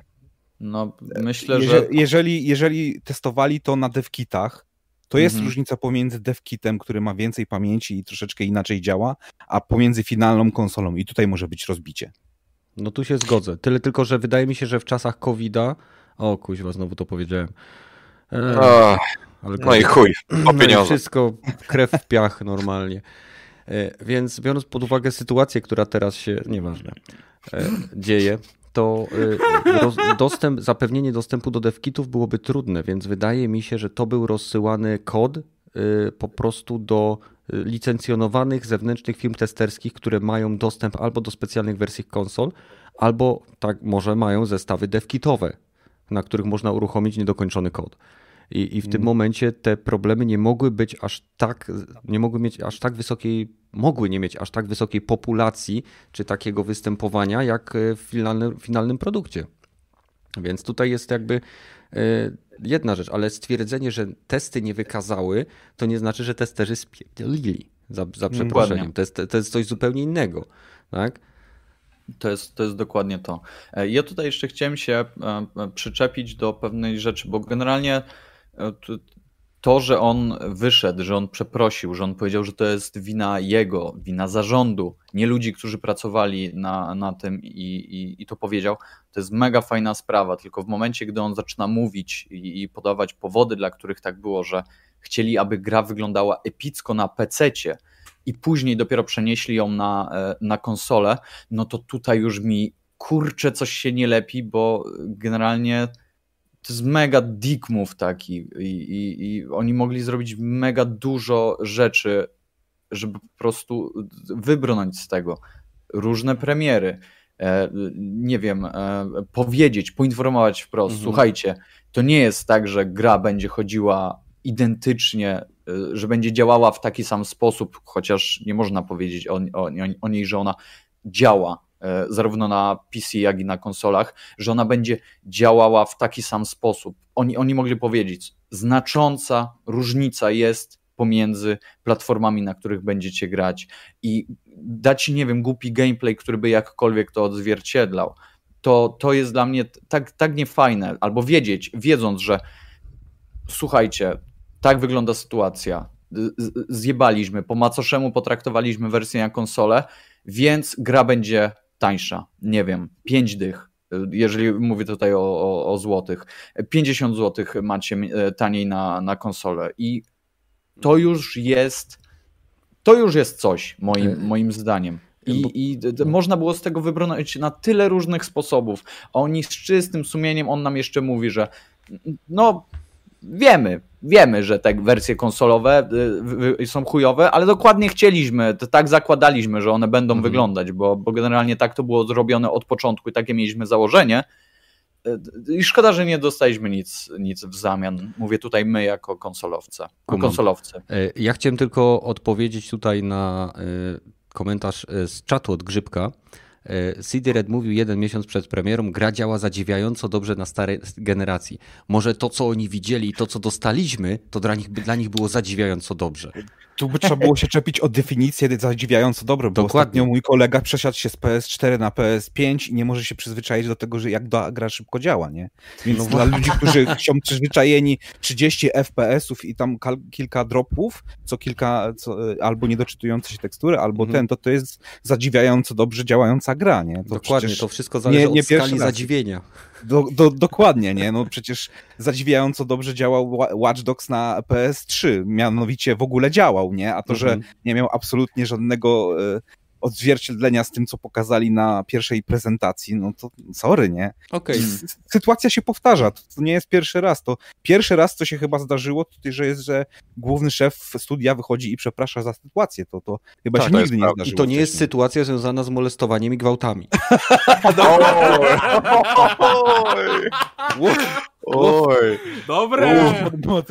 Oj, mocno. To znaczy, e, nie, nie, to jest trochę związana sytuacja z gwałtami, bo to jak kurwa nas wszystkich wyruchali, to jest niepojęte. A tam, no, proszę cię. Ale tyłki graczy są już takie, że... Słuchaj, tyłki takie są już takie wielkie jak wlot do stacji kosmicznej w Elite Dangerous. Tam nawet y, bieługa wleci, więc proszę cię. Ruchają Ej, szczerze, od lat. Mnie jeszcze nigdy tak a, jeszcze ci nigdy biełga nie wleciała, a, a, rozumiem. Nie, a, aż tak mocno jeszcze nie. No bo ty aż jesteś rozważnym kupującym, ty wiesz, ty spokojnie czekasz, oceniasz, tak. wiesz, pieniądz ma swoją wartość i tak dalej. Nie tak jak my rzucamy się jak szczerbaty na suchary, nie? Mi się wydaje po prostu, że e, fakt, że w ten facet wyszedł i widać, że nie próbował tego robić w żaden sposób taki, nie wiem, spektakularny, tak, że on się uśmiecha, że jest zajebiście. Widać, widać było na jego twarzy, że, że sporo włosów stracił yy, po prostu i jasne, że musiał nagrać to w taki sposób, aby nie dać paliwa do pozwu zbiorowego, który jest y, przeciwko CDPR-owi robiony. Tak więc musiał pewne rzeczy powiedzieć w sposób niebezpośredni, ale i tak powiedział więcej niż większość firm, które wydały takie gry jak Anthem, takie gry jak Battlefront 1, takie gry jak, nie wiem, No Man's Sky i tak dalej, i tak dalej. Wyszedł i powiedział: Słuchajcie, to była nasza wina, my jako zarząd podjęliśmy tą decyzję, ale największym jego błędem było właśnie tłumaczenie się y, kiepskim, tak jak Badl powiedział, kiepskim działaniem wersji konsolowych, że przeliczyli się z możliwością skalowania swojego produktu. To do jasnej cholery mówicie, że wersja konsolowa będzie miała premiery kilka miesięcy po wersji PC-owej. Jakoś nikt nie płacze na Switchu, że dopiero teraz dostają Duma Eternala. Nie? Mhm. Trzeba poczekać, dobrze, dob, dobrze doszlifować produkt, dostosować go do platformy. Jeżeli trzeba, pewie, pewne procesy developingu trzeba stworzyć od nowa, żeby poucinać pewne rzeczy lub y, y, zrobić je w zupełnie inny sposób, dostosowany do tej platformy, a nie wychodzić i po prostu, y, nie wiem, mówić, że, no, że konsole są tym, czym są. Wiemy, czym są. Wy też wiedzieliście od momentu, kiedy zaczynaliście tworzyć swój produkt 7 czy 8 mhm. lat temu. Nie mówiąc Dokładnie już, że 12 tak. lat temu zaczynaliście jego koncepcyjną fazę. Więc y, myślę, że Tutaj... o, ile, o ile dla graczy PC-owych to te przeprosiny i wytłumaczenie było jak najbardziej y, do przyjęcia, tak dla graczy konsolowych był to dla większości według mnie stek bzdur. Trochę tak. Ja tutaj, jeżeli miałbym się jeszcze przyczepić do, do czegoś, e, to sytuacja oczywiście z, tym, e, z tymi recenzjami Dlaczego to tak było? Dlaczego dostaliśmy tylko e, wersję, e, w sensie recenzję z wersji na PC, e, które też chyba nie były jakoś wysyłane aż, aż, aż tak wcześniej. Tak mi się wydaje, że ci ludzie też nie mieli aż tyle czasu na ogranie ich, mm, ale w każdym razie tutaj nie jestem oczywiście pewien, więc nie, nie łapcie mnie za słówka, ale powiedział jeszcze nasz Iwiński, że E, nie wysyłali wersji na konsolę, ponieważ pracowali nad nią dłużej niż planowali, czyli po prostu chcieli dostarczyć e, recenzentom, e, youtuberom, influencerom lepszy produkt, co jest gdzieś tam zrozumiałe mhm. i finalnie chyba otrzymali tę wersję dwa dni przed, przed, przed właściwą premierą. Mhm. I mhm. teraz moje pytanie, mm, okej, okay, to jest zrozumiałe. Tak, tak mi się wydaje, że to też fajnie by było, jakby, jakbyśmy zostali poinformowani wprost, że słuchajcie, nasz statement jest taki, że pracujemy nad grą na, na konsolę, chcemy ją bardziej dopracować, dlatego też recenzje się nie pojawią. I spoko, ja, ja to gdzieś rozumiem, to już może oznaczać problemy i, i, i oznacza problemy, więc spoko, ale jestem, wiem na czym stoję. I teraz pytanie, czemu dalej nie pozwolili na e, opublikowanie swoich wersji, swoich nagrań gameplayowych. Czemu dalej e, maskowali to, jak gra na, tak naprawdę wygląda, w momencie, gdy ktoś chciał wrzucić swoją recenzję przed premierą, czy na premierę, e, to dlaczego nie mógł posłużyć się swoim gameplayem? Mhm. Tego totalnie nie, nie, nie rozumiem wytłumaczyć ci? To znaczy, ja wiem, że chodzi o pieniądze. Jezus, dajcie, no właśnie. dajcie mi marzyć, dajcie Daj mi marzyć. wątek. No Dokładnie. Ale nie rozumiem z perspektywy tego filmu, nie? że on mówi, że nie wysłali wersji na konsolę i tak dalej, on się tłumaczy, jaki to on jest dobry, nie wysłaliśmy, bo chcieliśmy dostarczyć lepszą wersję i to ogólnie nie, nie jest tak, że my nie, jesteśmy źli, bo my chcieliśmy. No ale kurwa, nie rób, nie rób z siebie takiej osoby, naprawdę, nie podawaj tych argumentów, bo ja bym wolał, żebyś ty powiedział, nie wysyłaliśmy i bo, nie, nie, nie chciałbym. Nie, dokładnie, przepraszam, ja nie chcę słyszeć, dlaczego nie wysyłaliście. No. I no. nie poruszaj tego wątku, chłopie, proszę no. cię, bo to jest tak niefajne w momencie, gdy sobie zestawimy fakty e, i to, co mówisz. To tak do siebie nie pasuje. Po prostu nie mów o wersjach konsolowych, powiedz, że przepraszasz za wszystko. Plus jeden. I tyle, bo, bo nie wychodzi to za dobrze. We're sorry. Sorry. Sorry. We're deeply sorry. No tak, no. Kto ma wiedzieć, ten wie. Dokładnie. Ale według mnie najzabawniejsza jest roadmapa, którą pokazali, która tak naprawdę nie jest roadmapą. W, w sensie... wszystkie roadmapy y, to jest coś niesamowitego, co się w jakiś sposób przekradło z gier MMO, które pokazywały potencjalny proces rozwoju tych produkcji, jakimś cudem to zmutowało w coś, co zostało zaakceptowane przez, przez graczy jako e, taki legitny proces e, naprawy gry, którą ktoś wydał spieprzoną. To jest dla mnie nie do pojęcia. W sensie mi się to strasznie kojarzy z a, tymi early accessami, które po prostu od czasu do czasu muszą wypuszczać rozpiski, co będzie się pojawiało w najbliższym czasie i tak dalej, co będzie dodawane do gry z biegiem e, czasu. No ale co, no co zrobimy? Najzabawniejsze jest to, że zamiast, nie wiem, mm, ja rozumiem, że oni chcieli bardzo, ale to bardzo mocno unikać podawania jakichkolwiek terminów, ponieważ wiedzieli, że a, no śmiesznie będzie, śmiesznie, śmiesznie będzie, jeżeli znowu e, będziemy przesuwać, tym razem patrzę zamiast gry. E, no ale mogliby chociaż napisać, ile plus minus będzie tych aktualizacji, bo napisali tylko e, wiele aktualizacji, multiple e, patches i tak dalej, i tak dalej. Powiedzieli, że pierwsza będzie za maksymalnie 10 dni, czyli już na ten moment za 4-5 dni, nie? Bo to już trochę czasu minęło. A, no, w sensie nie, no tak, tak, tak. O, tym, o tej styczniowej i lutowej aktualizacji wiemy od dłuższego czasu, ale e, po prostu strasznie mnie dziwi, że woleli po prostu zaznaczyć praktycznie 60% e, roku zaznaczyć go kolorkiem i napisać, no tutaj będzie dużo aktualizacji, uwierzcie nam na słowo. W sensie to, nie wygląda jak roadmapa. Mhm. I strasznie zawiodło mnie też to, że e, no upgrade do wersji e, next genowych w cudzysłowie, no bo do wersji PS5 i Xboxa Series X wyjdzie dopiero w drugiej połowie roku. W jeśli sensie, wyjdzie i nie wiadomo jeśli, kiedy. Właśnie, jeśli wyjdzie. W sensie, znaczy, mhm. no ta, kre, ta kreseczka Plus wygląda... Plus też zauważ, że nie masz żadnego no, dokończ. Hmm. Nie, że nie zauważ, że też w ogóle nie, nie, w tej roadmapie nie uwzględnili ceków poza free DLC, które będą pewnie, nie wiem, jakimś dodatkowym kostiumem, jakąś e, wyciętą misją, której wcześniej nie, nie mieliśmy. E, to jest też takie, że tak naprawdę, jeżeli przeszedłeś teraz Cyberpunka i liczyłeś, że nie wiem, za dwa miesiące sobie zagrasz w DLC, no to, to tak naprawdę myślałem. teraz wiesz, nie, nie, nie masz potrzeby trzymania tej gry do 2022 roku przynajmniej, nie? Nie no, ale sorry, jeżeli biorąc pod uwagę z punktu, z punktu widzenia mnie jako gracza konsolowego, który sprawdził tą grę na PlayStation 4, praktycznie zwymiotował i odpalił ją na PlayStation 5, e, mówię przed paczami, bo po tych wszystkich łatkach ona jest e, w miarę grywalna na, sta, na starej generacji. Oj nie. Ledwo, ledwo, no, ale jak bardziej niż na początku. E, no, w każdym razie, y, y, jakby z mojego punktu widzenia, oni teraz powinni wszystkie DLC, które planowali wydać, przesunąć do momentu dokończenia tego tytułu, wydania wszystkich łatek, które chcą wydać, żeby on był jak najbardziej doszlifowany. Dopiero później przywrócić ten tytuł do życia, yy, przyciągnąć do niego graczy z powrotem, żeby pokazać im, słuchajcie, jest naprawiony, działa tak. Macie tutaj kilka dar drobnych darmowych DLC, tak jak było do Wiedźmina, nie wiem, z jakimiś sidequestami, nie wiem, z, tak jak było ze szkołą Kota i tak dalej, i tak dalej. Były te sidequestiki naprawdę fajne. Nie wiem, darmowe DLC z dostępem do e, do jakichś, nie wiem, ubrań, czy nie wiem, dodatkowych mo e, modułów, gdzie można sobie kupić mieszkanie albo się przeprowadzić, albo jakieś takie rzeczy typowo imersyjne, tak? I dopiero później niech wydadzą duże DLC, gracze wrócą, sprawdzą, ok, super, udało wam się, sprzedaż znowu do góry i kolejne DLC.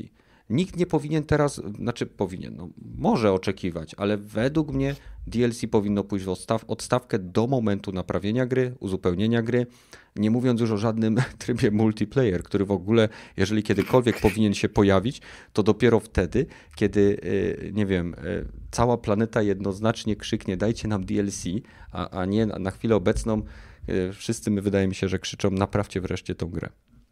Mhm. No. Mm.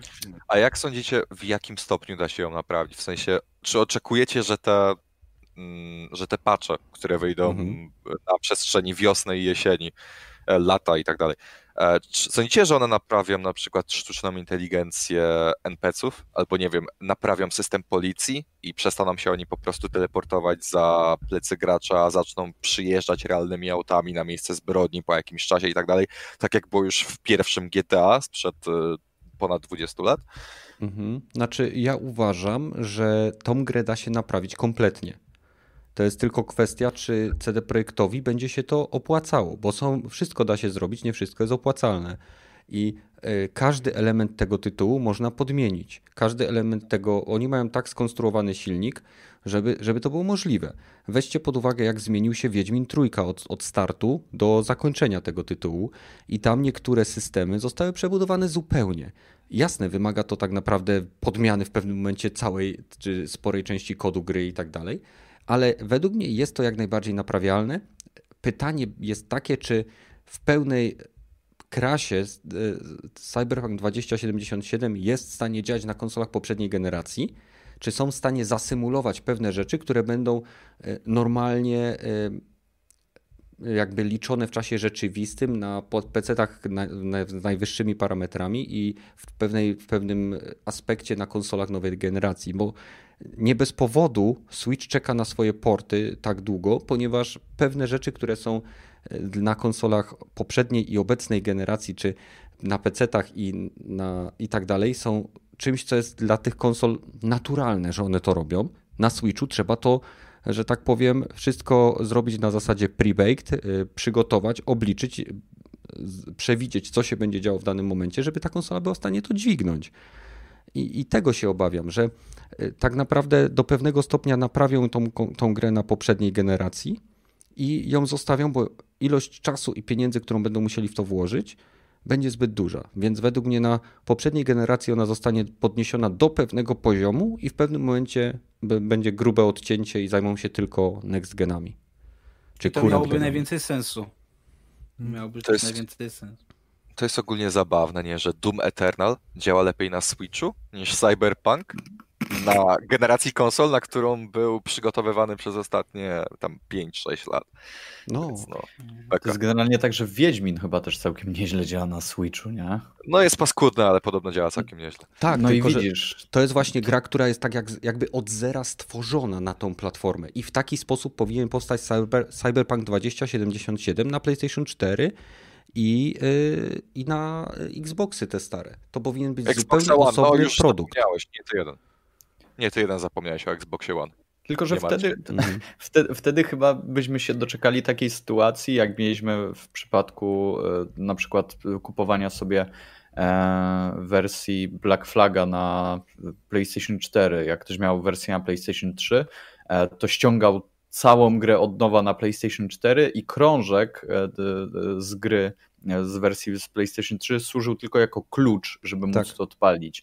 I no. domyślam się, że tutaj, jeżeli by chcieli coś takiego zrobić, chcieliby naprawić tę grę i dać nam tę właściwą wersję na, na konsolę starej generacji, to by była dokładnie taka sama e, sytuacja, że oni by musieli podmienić wszyściutkie pliczki, mhm. które tam są i wsadzałbyś tylko płytę po to, żeby otworzyć te, e, te drzwi, nie?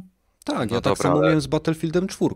Mam wersję z PlayStation 4 y, upgrade'owaną do PlayStation y, z PlayStation 3 upgrade'owaną do PlayStation 4 i żeby zagrać w grę muszę włożyć płytkę z trójki.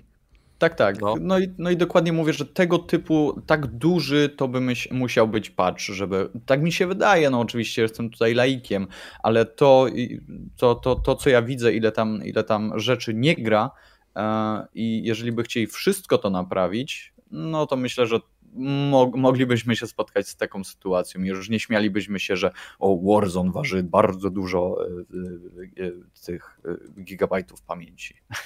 Bo w Cyberpunku myślę, że mogłoby być bardzo podobnie. No dobra, ale wolał, wolałbym, aby ta gra ważyła 200 gigabajtów, ale dobrze ja tak działała. Tak samo. Ja tak samo. Zdecydowanie. Albo nawet jakby ważyła 300 gigabajtów, jakby to była największa gra w historii, jeśli chodzi o wagę w Wiem. gigabajtach, to by, to by mi nic nie przeszkadzało. Po prostu usunąłbym połowę zawartości dysku, tylko po to, by przejść Cyberpunka, a później się go pozbył. Dokładnie. Byłby zbyt ciężki. A tak to a tak to nawet nie chcę go zainstalować, no bo jest zjebany. No. Tak, podpinam się, podpinam się. Hmm. Ale ogólnie czy dla was, e, e, bo podsumowując, czy sądzicie, że te przeprosiny odkupiły troszeczkę nie wiem, CD Projekt Red w oczach graczy właśnie tą zagrywką, że CEO i ogólnie szychy wzięły na siebie ten ogień? Minimalnie. Minimalnie. Minimalnie, minimalnie myślę, że tak. Osobiście, Osobiście wolałbym, gdyby objęli ścieżkę e, Hello Games i po prostu zamknęli rej i zaczęli działać. Bo to według Tak. mnie było najlepsze, co zrobiło to studio ever. Po prostu zamknęło się, nie było ich na kilka miesięcy, a później wylecieli z pierwszym dużym patchem i ludzie znowu zaczęli o nich gadać pozytywnie. No i tak robią do tej Mm. pory. To ja tutaj odejdę troszeczkę od tego minimalnie, bo ja uważam, że bardzo, że tak powiem, to pomogło CD-owi, że zabrali głos, że Adam, e, e, tak? Nie, Iwiński, przepraszam, że Iwiński Ale zabrał Madowski głos. też już zabrał głos w tym głos sprawie. też- Okej, też okej, już- ale tutaj mówimy o, o, o, o e, Iwińskim. Bardzo się cieszę, że on wyszedł, że on powiedział, że on się nie bał. E, I dla, dla ludzi, którzy nie będą się aż tak wsłuchiwać w to, co on dokładnie mówi, nie będą się tam niczego doszukiwać, będzie to po prostu ok i dla nich to będzie wow, no ma chłop, ma chłop jaja. E, Fajniej by było, jakby ten filmik był o połowę krótszy, jakby nie tłumaczył on się, nie podawał on konkretnych przykładów, tylko po prostu powiedział: Przepraszamy, zjebaliśmy, to chcemy zrobić, miejmy nadzieję, że to zrobimy, nie podajemy wam terminu jeszcze raz przepraszamy i koniec. Napisy, kurtyna i to jest to, co dla mnie by było idealnym e, wyjściem. A tak to, no mamy się do czego dopieprzać. No okej, a skoro mamy się do czego... Podpisuję się całkowicie. Rogaty, coś jeszcze chciałeś dodać? No, dla mnie postąpił jak e, dobry właściciel, a właściwie szef firmy. Przyjął na siebie s- błędy swojej firmy i po, podjął za to odpowiedzialność. No to, to je, do jego należało to i to, że wypuścił filmik i to na, na niego powinna spaść odpowiedzialność, to jest no, całkowicie uzasadnione i moim zdaniem zrobił dobrze. Absolutnie mnie nie satysfakcjonuje takie coś, że hej, za 6 miesięcy może ci będzie działać, a jak nie, to możesz wyrzucić to, tą swoją grę e, do, do śmieci, ewentualnie prosić o zwrot, którego może nie dostaniesz Mhm. na jakiejś Mhm. platformie. bo Ale to sam fakt, że wystąpił, Bro- y, buduje tak. y, ci jego Tak. osobę w twoich oczach. jeżeli, jeżeli jest problem i się o nim nie mówi, to dla mnie ten problem nie znika, ale jeżeli jest problem i się o nim mówi i mówi się, się że zostanie naprawiony, no to okej, no to w to bardziej mogę uwierzyć niż e, zamknę się i nie będziemy nic mówić i, i, i, i może będzie dobrze kiedyś, w przyszłości bliżej, nieokreślonej. Albo nie. Zobaczymy, która wersja zadziała lepiej, patrząc na przyszłe działania CD Projektu Red i to, co będą robić z grami. A teraz przechodzimy do tematów nieplanowanych, a w tematach nieplanowanych bardzo różne się pojawią rzeczy, między innymi pierwsze screeny z Mortal Kombat na HBO Max. Tak? Dobrze, dobrze kojarzę? Tak, Jest. I co sądzicie o tych, y, o tych screenach, które pokazali? Bo ja, jak to zobaczyłem, to mówię, wow, będzie jazda.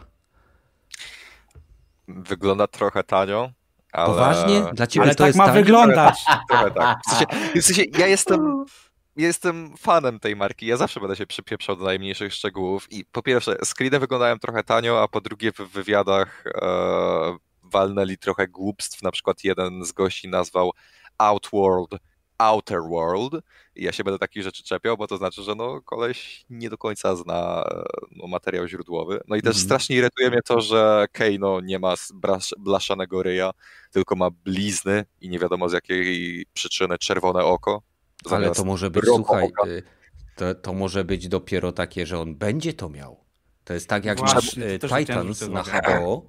y, Dobra. Na, czy ten? To czemu ma czerwone oko i czemu ma bliznę w kształcie blaszki, którą powinien mieć w tamtym miejscu? W sensie to wygląda idiotycznie z mojej perspektywy. Sorry. No, Prequel to mógł- będzie może. Słuchaj, może gdzieś musiał lecieć samolotem i mu ciągle na detektorze to pikało i musiał ściągnąć. No możliwe. No A oko ma będzie. czerwone, bo ma- infekcję. W sensie, póki co najlepsze na temat tego filmu jest to, że ma się podobno rozpocząć e, walką Skorpiona i Sub-Zero i ogólnie opowiedzieć o I tym, mają jak... być fatale. Wow. Mamy nadzieję, że to nie będą fatalne sceny. E, No. Ale co sądzicie o tym, że on czerpie faktycznie z gier? Widzimy Sub-Zero, który y, ewidentnie tworzy lodowy miecz. E, Czy to w ogóle wam nie pasuje, że idą w, jakby w- z duchem zmian, które wprowadził tytuł w kolejnych, wiesz, 10, 11, 9 i tak dalej, że te bronie się pojawiły? Tak. W sensie, Tak. Fajne jest to, że jego zbroja wygląda trochę podobnie do tej z Mortal Kombat e, 10, więc tak, to też jest fajne Mhm. nawiązanie, bym powiedział nawet. Więc to akurat mi się podoba. Im Czyli więcej podoba chyba się takich... to, że jest to robione ewidentnie pod graczy. E, tak, w sensie z jednej strony tak, z drugiej strony nie. W sensie nie podoba mi się to, że to jest też film robiony w dużej mierze pod e, nowych widzów, bo została Mhm. wprowadzona postać, która się nigdy nie pojawiła w serii. E, Czytaj Cole Young, chyba tak go nazwili, to jest ten Mhm. kolej z jednego screena, który jest zawodnikiem MMA. No i osobiście jako stary wyjadacz wolałbym, aby to po prostu był Johnny Cage i tyle, no, w skrócie. Hmm.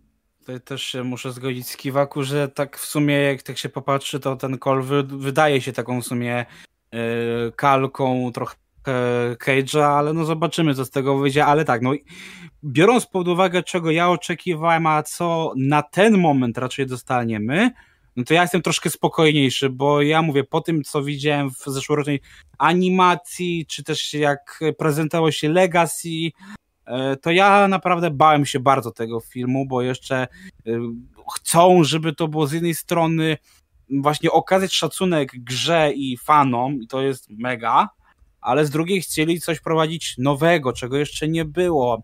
I ja się właśnie tutaj mega bałem właśnie, że tutaj zrobią jakieś znowu dziwne reminiscencje, całkowicie przebudują bohaterów, tak jak było w Legacy i tu nie będzie tu w ogóle przypomnieć Mortala, ale jak zobaczyłem te screeny, bo ja też jestem wielkim fanem marki od, Jezu, 20 paru lat, czyli tyle ile żyję prawie, że, więc no dla mnie jak zobaczyłem, że Kung Lao wygląda jak Kung Lao, że Sub-Zero wygląda jak ostatni Sub-Zero tam z tego MK10, no to naprawdę było takie, dobra, teraz mogę iść spać w spokoju, nie? I mogę czekać na premierę 17 kwietnia, ja, ja czekam bardzo i, i tutaj można znowu nawiązać do VPN-ów, że wtedy ja się nie, nie- będę krył z tym, że korzystam z VPN, żeby zobaczyć e, ulubiony film z ulubionej marki, nie?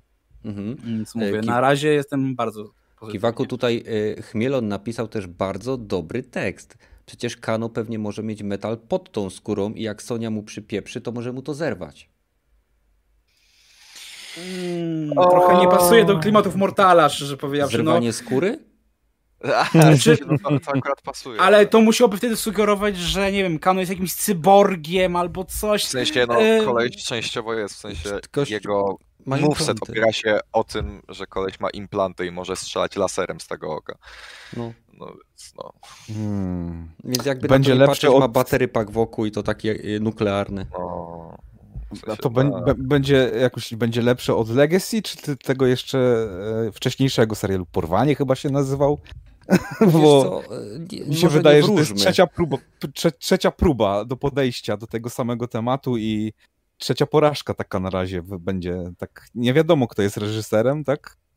Te, tego wspaniałego albo showrunnerem. Wiadomo, wiadomo. wspaniałego. E, Tak? wiad... Podali nazwisko, zaraz ci powiem, daj mi sekundę. Em, momencik. Demet. Akurat teraz musi mi się telefon E, rozładować. Simon McQueen jest reżyserem i teraz czekaj, Hmm. zerknę, czym on się zajmuje. IMDB, cyk. No właśnie.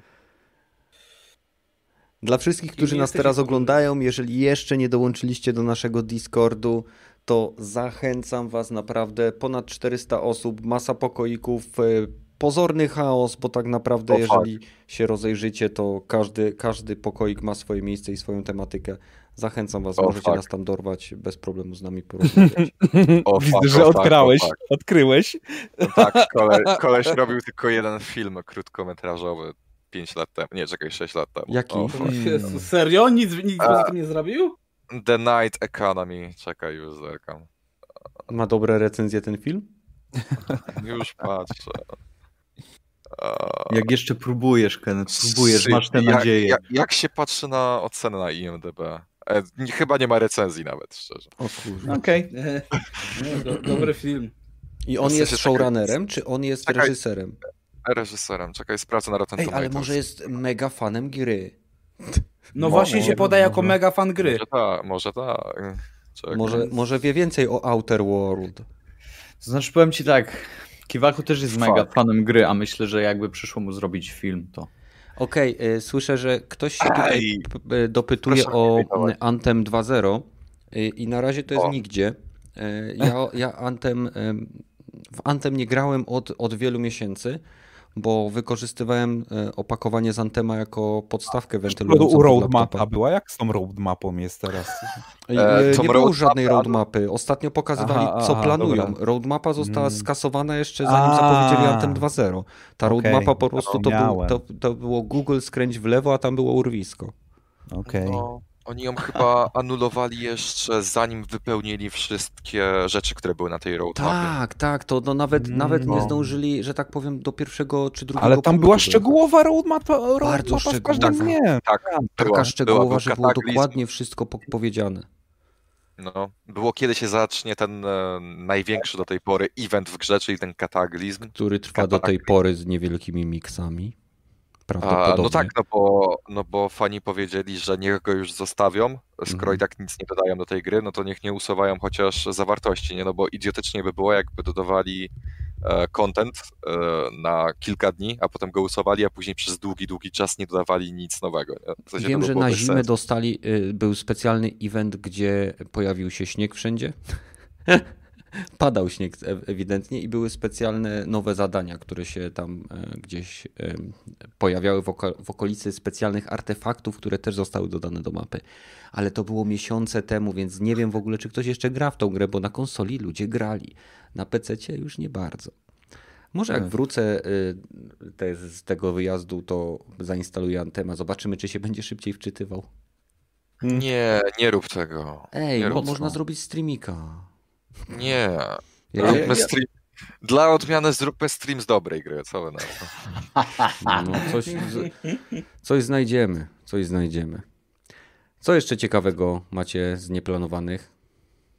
Um, o ile dobrze pamiętam, to chyba 5 ekskluzywów na PS4 znalazło się w top 20 najlepiej sprzedających się gier w Stanach Zjednoczonych w 2020 roku.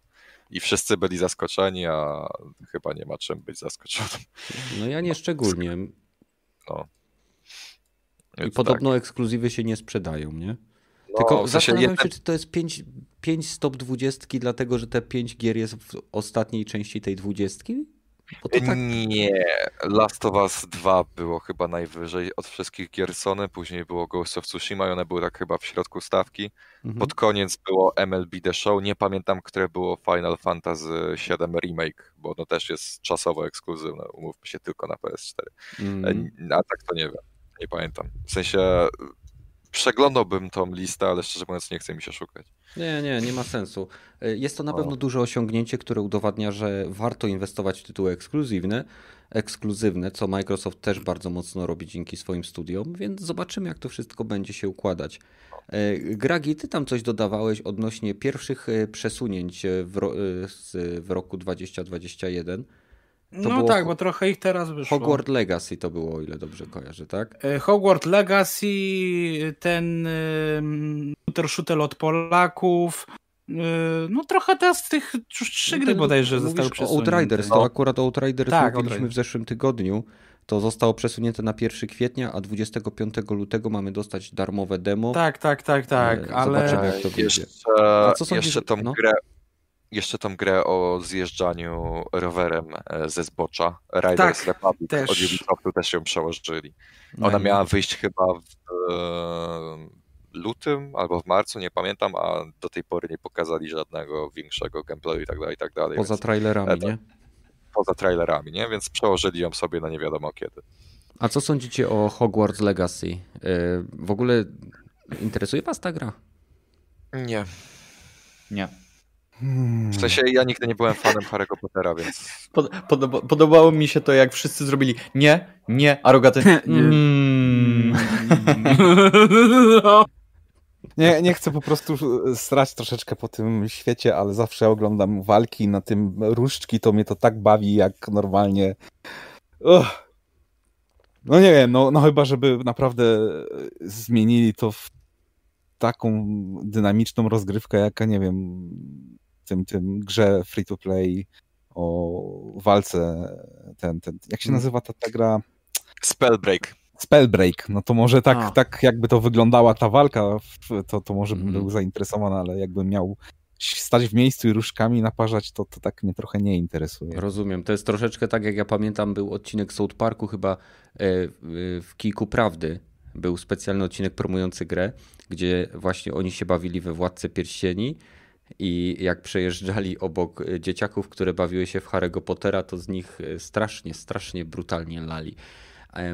Ale Gragi, ty jeszcze się nie wypowiedziałeś, bo ja, ja jestem zainteresowany tym tytułem pod względem technologii, która tam została pokazana, bo to jest Unreal Engine e, i bardzo mi się podobały niektóre graficzne e, fragmenty. Jeżeli to będzie faktycznie gameplay, to mogę być tym zainteresowany, bo... No, po...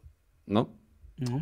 No mów, mów, mów, mów bo po prostu wydaje mi się, że e, może to być jedna z bardziej dynamicznych gierek, bo tam było widać, że, że mamy uniki, e, walkę, że tak powiem, no, nie nastawioną na kreślenie znaczków padem czy różdżką, tylko prawdopodobnie będziemy mieli przypisane cztery zaklęcia czy sześć zaklęć, które będziemy mogli sobie zmieniać.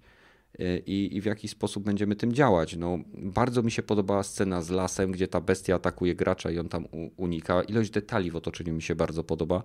Może to być jeden z naprawdę fajnych next-genowych tytułów. Zdziwi, dziwi mnie tylko jedna rzecz w tym tytule, że to jest tytuł na chwilę obecną singleplayerowy bez możliwości grania w koopie. Jeżeli to będzie tytuł singleplayerowy, to prawdopodobnie go odpuszczę, ponieważ nie jestem mega fanem Harry'ego Pottera. Jeżeli będzie tam dodany koop i znajdę kogoś, kto będzie chciał ze mną grać, to z chęcią bym w niego szarpnął. Tak jak zresztą w Outriders powoli, bardzo powoli z Rogatym się przygotowujemy na ogranie dema. Mam nadzieję, że będzie też na konsolę. No i, i zobaczymy. Gragi?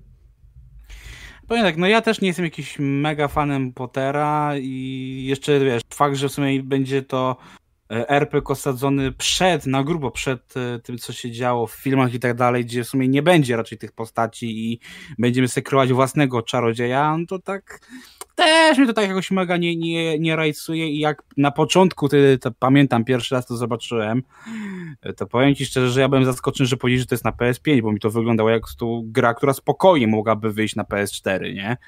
I takie wow, no spoko, nie? I ja mówię to samo, w sensie na pewno mnie to niepokoi i zastanawia, dlaczego już przesunęli na aż przyszły rok, czy po prostu to jest na zasadzie, że cyberpunk uczy, y, czy jednak mają tak duże gdzieś tam problemy albo mm, jakieś, mówię, znowu e, decyzje może próbują, że wiesz, dużo trzeba przeprojektować czy coś. Zastanawia, Mhm. Ale Mogą no, też no czekać no na aktualizację silnika Unreal Engine, który ma mieć swoją premierę w wersji piątej, takiej e, betowej, mocnej, właśnie pod koniec No być może, bo może też roku. właśnie dla, no tak, bo to chyba na czwórce, po sobie dlatego też jakoś to mówię, nie, nie tak nie zachwyciło jak na przykład projekt Afia, nie? które wyglądało mm, wspaniale.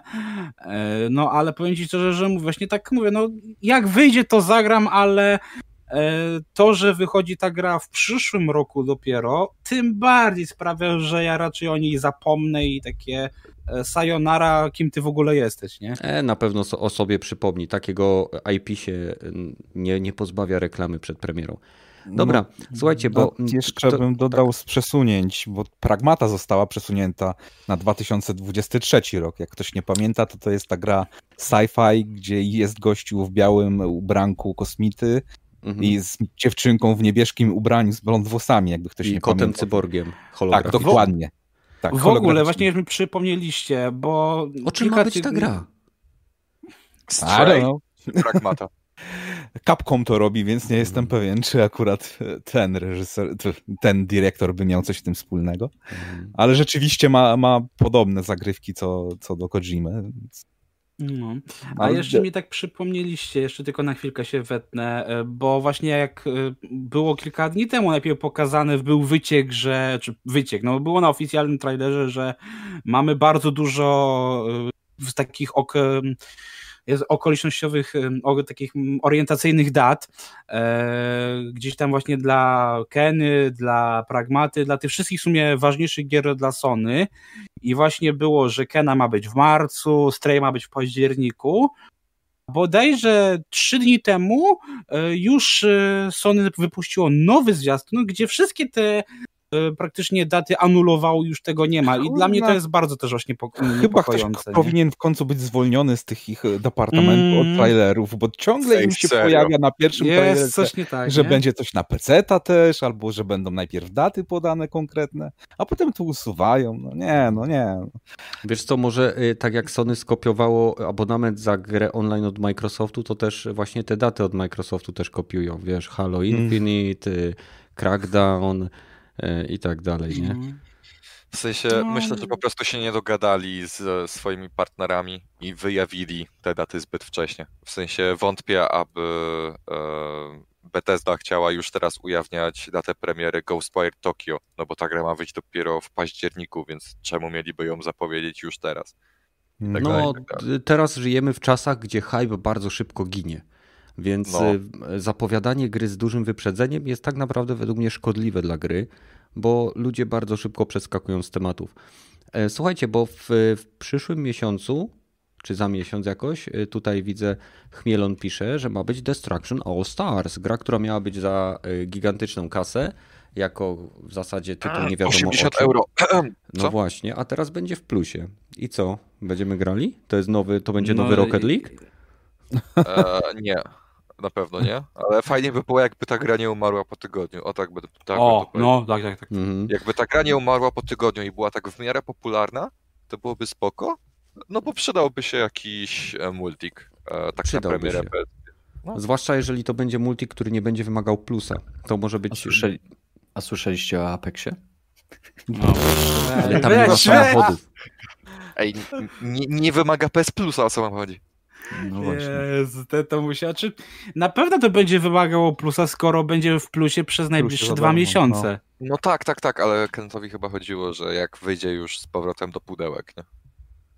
Chyba nie, nie wyjdzie z powrotem do, do pudełek. Chyba nie wyjdzie. Nie wyjdzie. To by było. Znaczy, wyjdzie, ale pewnie będzie w jakiejś śmiesznej cenie już wtedy, bo na pewno twórcy All Starsów dostaną jakąś kasę od Sony, tak jak zawsze to jest w grach, które trafiają do plusa.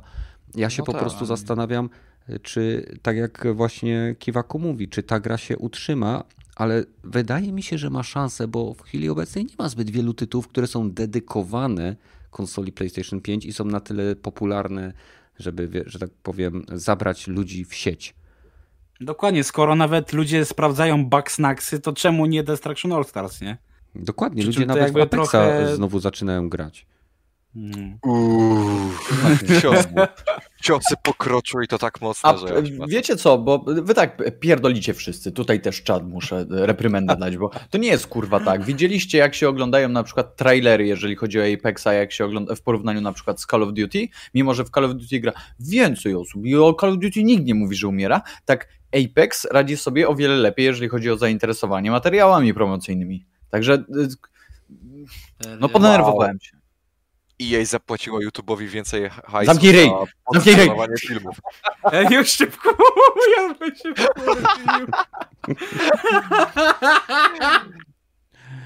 Ej, no, wyciszyłem się i wam naubliżałem, tak żeby... No, dobra. Dobrze, masz to na osobnym nagraniu, to mi podeślesz, zrobimy tego z tego dzwonek dla kiwaku. Dzwonki na telefon, no, no, no, już niedługo. Dzwonek dla kiwaku.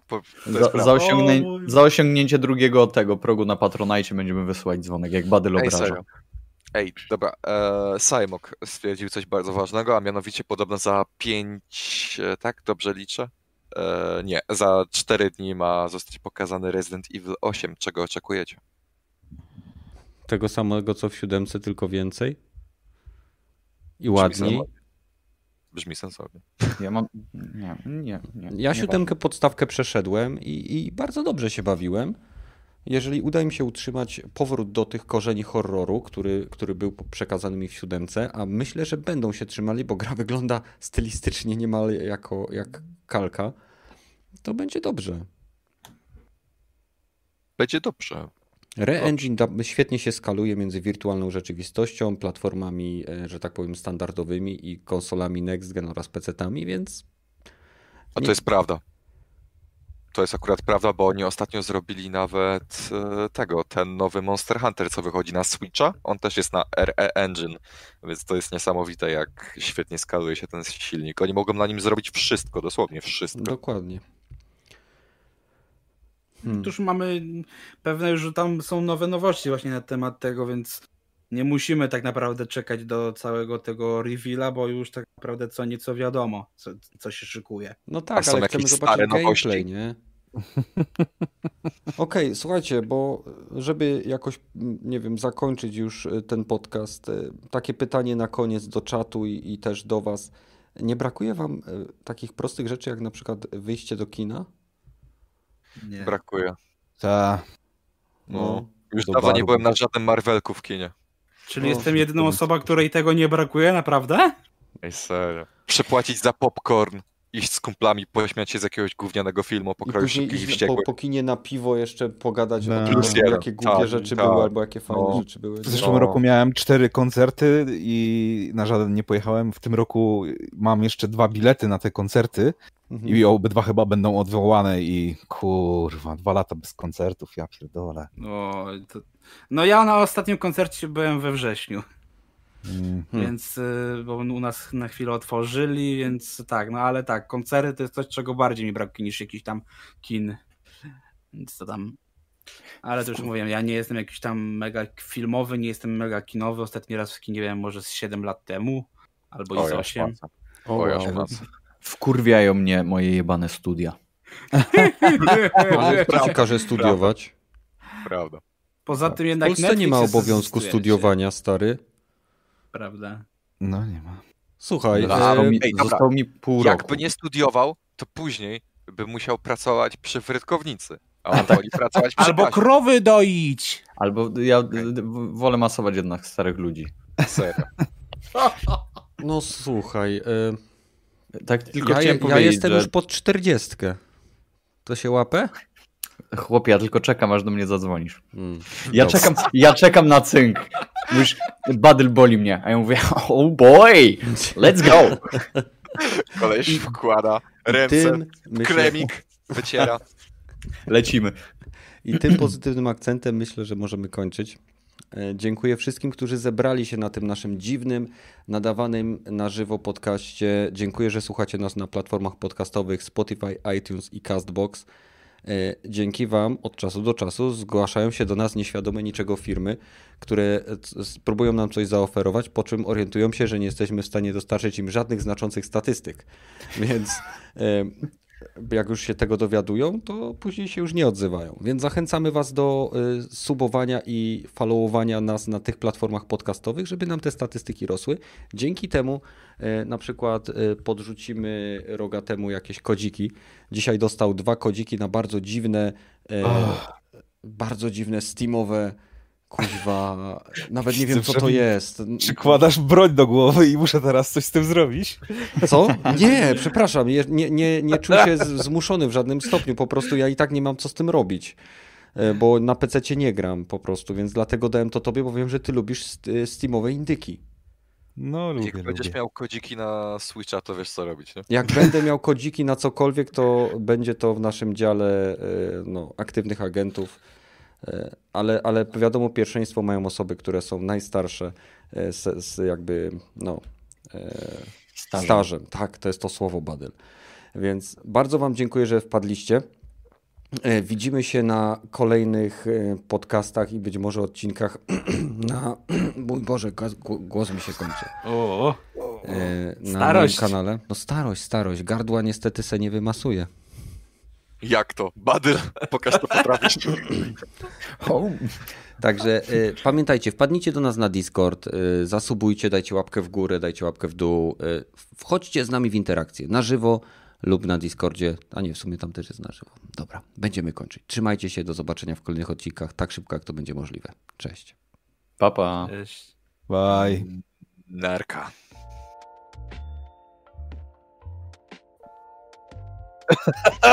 Ja sobie jaja robię. No do... Ale my se jej nie robimy. Ja chcę za tydzień usłyszeć o tej chujowej grze, w której ty Dobra, majonez. Dobra, dobra, dobra. A jakie firmy do nas pisały? Coca-Cola? McDonald's? Ej, KFC konsol? podoba mi się, jak zaczęliśmy mówić e, my. Jakie firmy do nas pisały? To jest nasz kanał, tak? Komunista się odezwał. Przy, tak? Jak coś chcemy dostać, to to jest nasz. Jak trzeba coś Tak. dołożyć, to to jest twój. tak, tak, dokładnie. Trzeba, trzeba opłacić tam jakąś, za jakąś domenę kasę? Kenneth, twój kanał, twój kanał, twoja strona. Y, jakieś gierki? Nasze.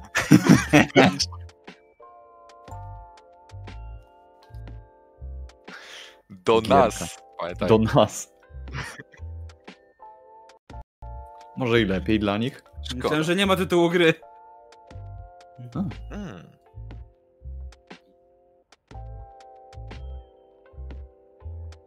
O kurwa, podoba mi się. Bug Snacks, y, Bug Academy. Ja chcę, ja w to lecę.